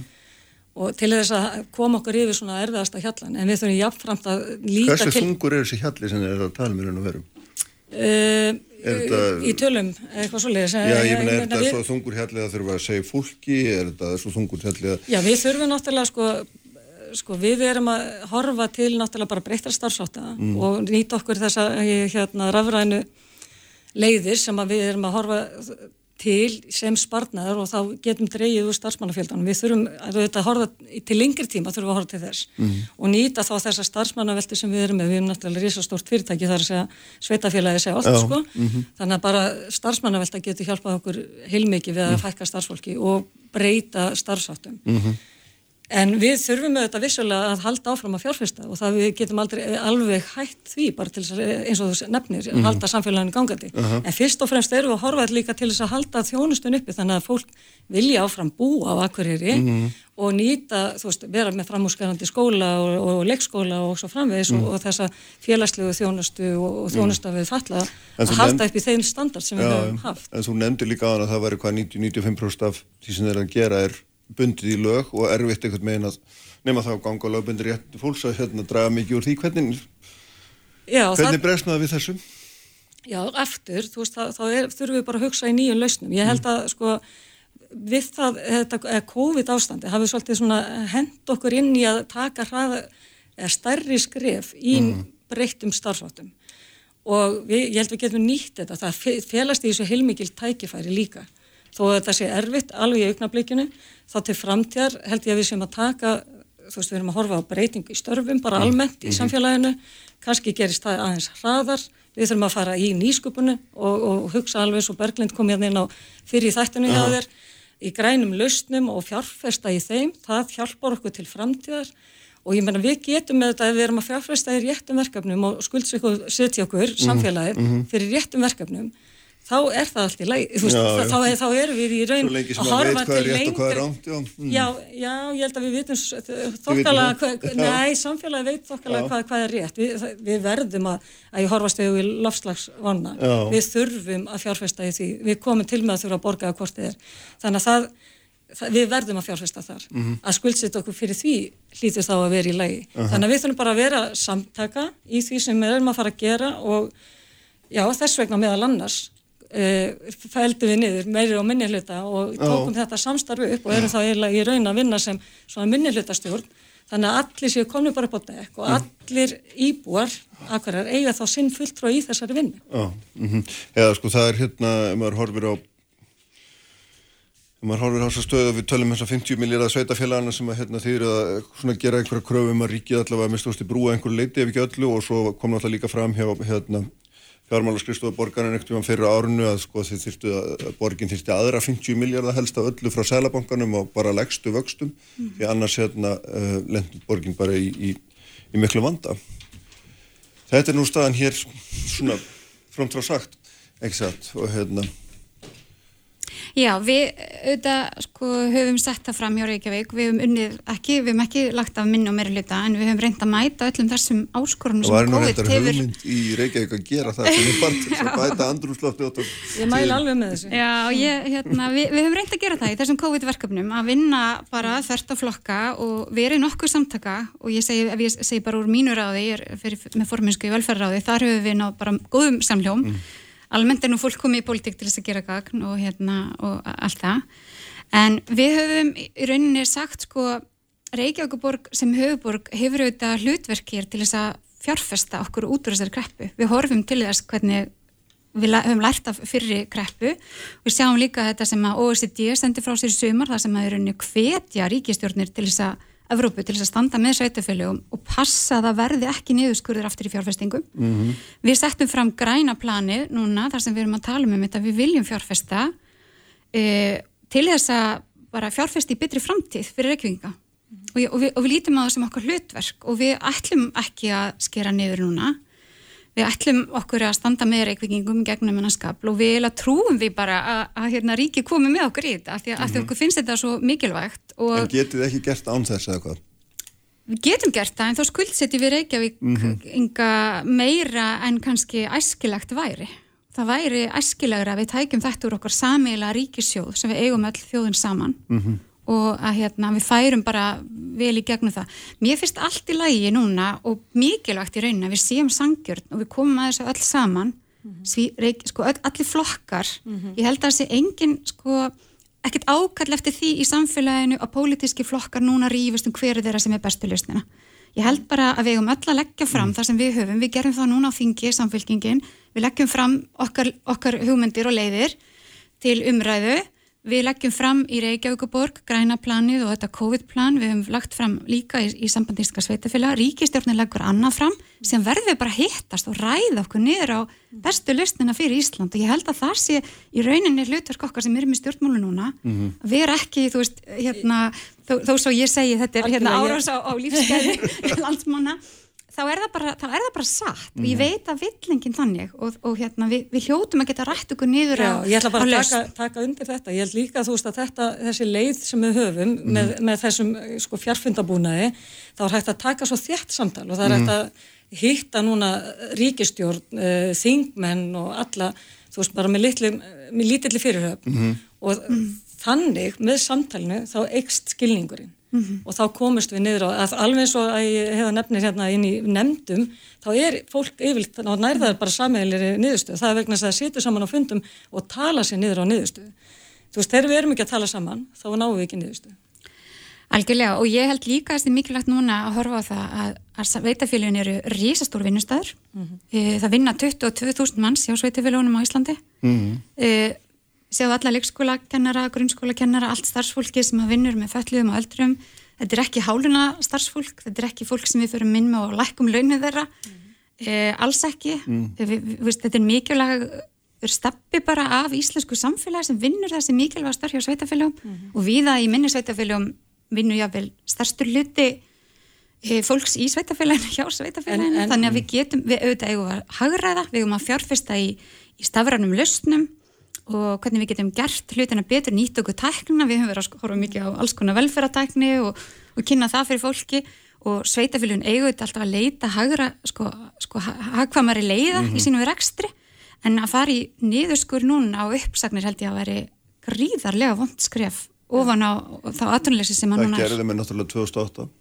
Já, það gerði með 2008 en þá var staðan önnur. Ríkistjóður var ekki jafn vel Nei, stakkbúinn og, það það buðast ekki hagstað lán. Nei, nei, það nú- vildi engin lán á Íslandi.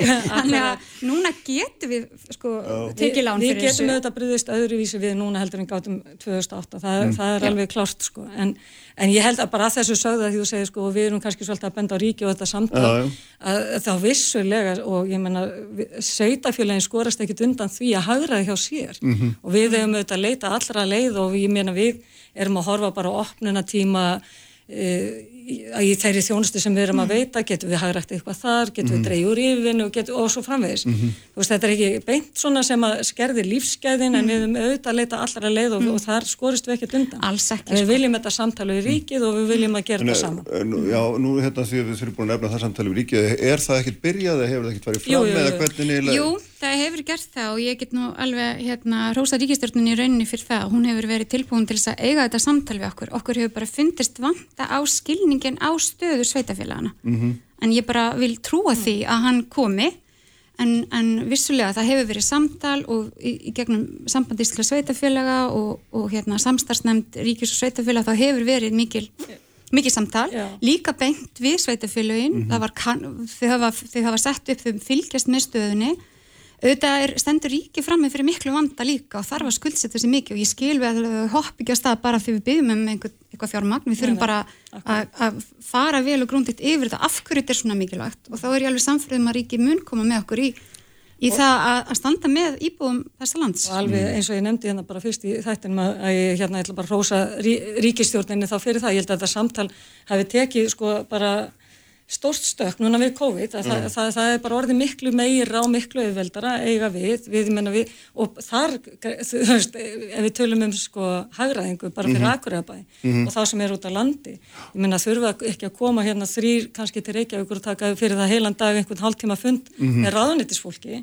Þú veist, þetta skiptir máli. Já, já. Núna bara stökkum við inn á fund og erum ennþá í vinnu, bara á okkar vinnu, vinnustaf. Þannig að allt slíkt, þetta er hagræðing inn í kerfinu og þarna hefur við að gera miklu, miklu betur.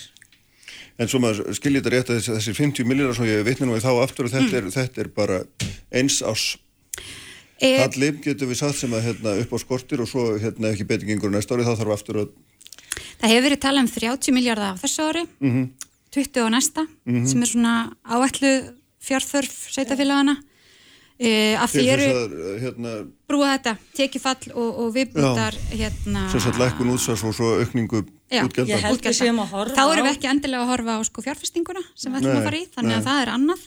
Við erum að horfa á sko gríðalegt tekifall og, og hérna og, við, og, og mikla þörfa fjárfestingu, þannig að hérna það bætist við, þannig ég held að ef að við værum að sjá þetta. Já, ég held við séum að horfa á náttúrulega þetta ár og næsta verður þetta, þessi þungu miða við það að við fáum bólefni og svo, svo taki sko svona atvinnulífið við sér. Já, að þessi tvö ár verða okkur mjög erfið og, og það er ka- kannski þau fyrst og fremst sem við erum að kalla á ríkið til sko aðstóðar svo vonust við náttúrulega til um að við, við séum þá búin að taka einhverjar hérna einhver skref sem að verða til þess að við getum bara ráðið við þetta sjálf. mm, mm, nákvæmlega. Hvað hérna, Halla, bara eitt í lokin maður hennar meira og minni hluta sem enginn er orðin á akkur hvernig, hvernig hérna, hvernig fer líðræðislega umræða frammeila þegar allir eru saman í ákvörnutöku?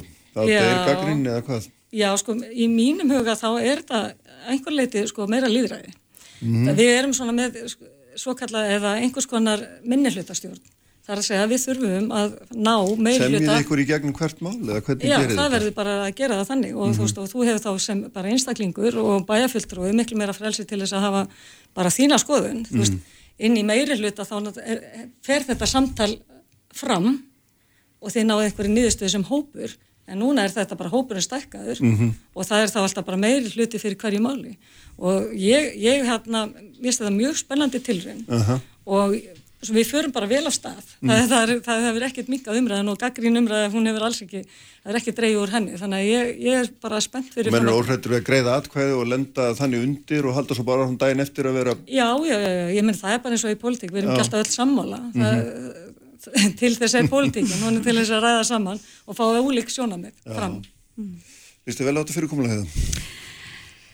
Já, sko, sko sveitarstjórnir eru auðvitað líðræðis vettvangur þar sem að íbúar kjósa sér sína fulltrú til þess að stjórna þessari nærið þjónustu sem þeir eiga að fá og þú veist, auðvitað er krafa á okkur að fara inn í allt og ræða okkur niður á niðurstöðu og mér finnst það mörguleiti spennandi. Og þetta er auðvitað fyrirkomulag sem er við það hérna í kring. Já, já, Ef við þetta í til- þekkt á Norðurlöndum. Ef við horfum til Helsingi þá er bara stærsti flokkunum fær borgarstjóran og næst stærsti vilju sér nefnd og svo næst stærsti Já, og, og svo leiðist þannig að en þetta krefst þessu að fólk komi inn í stjórnmálinn með það sko, sam, vilja til samstarfs. Og það hann hefur ekki alltaf ríkt í íslenski pólitík sem maður sé alveg reynskilin En ég held að- en ég ég finnst ekkert, ó, sko, ekkert óhugsandi í þessu og ég held að til dæmis svona tímar eins og núna, þeir kalla svolítið á það að við tölum okkur niður á niðurstöðun. Ef að svo niðurstöða er alltaf leið sjálfstafsflokksins, þá er ég ekki til í það. Nei, akkurat, ef ég fæ ekki mitt fram þá er ég ekki... Já, ég ekki endilega, en bara, sko, það hefur sem verið þannig í íslenski pólitík að einhvern veginn endar það alltaf þannig að við förum hægri leðina og ég vil að við horfum aðeins til meira til vinstri. Já, ég, ég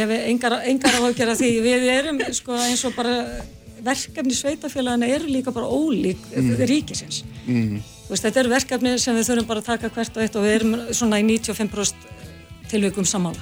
Já, mútið gott. Báðar tvær, takk fyrir að koma, gaman að fá ykkur.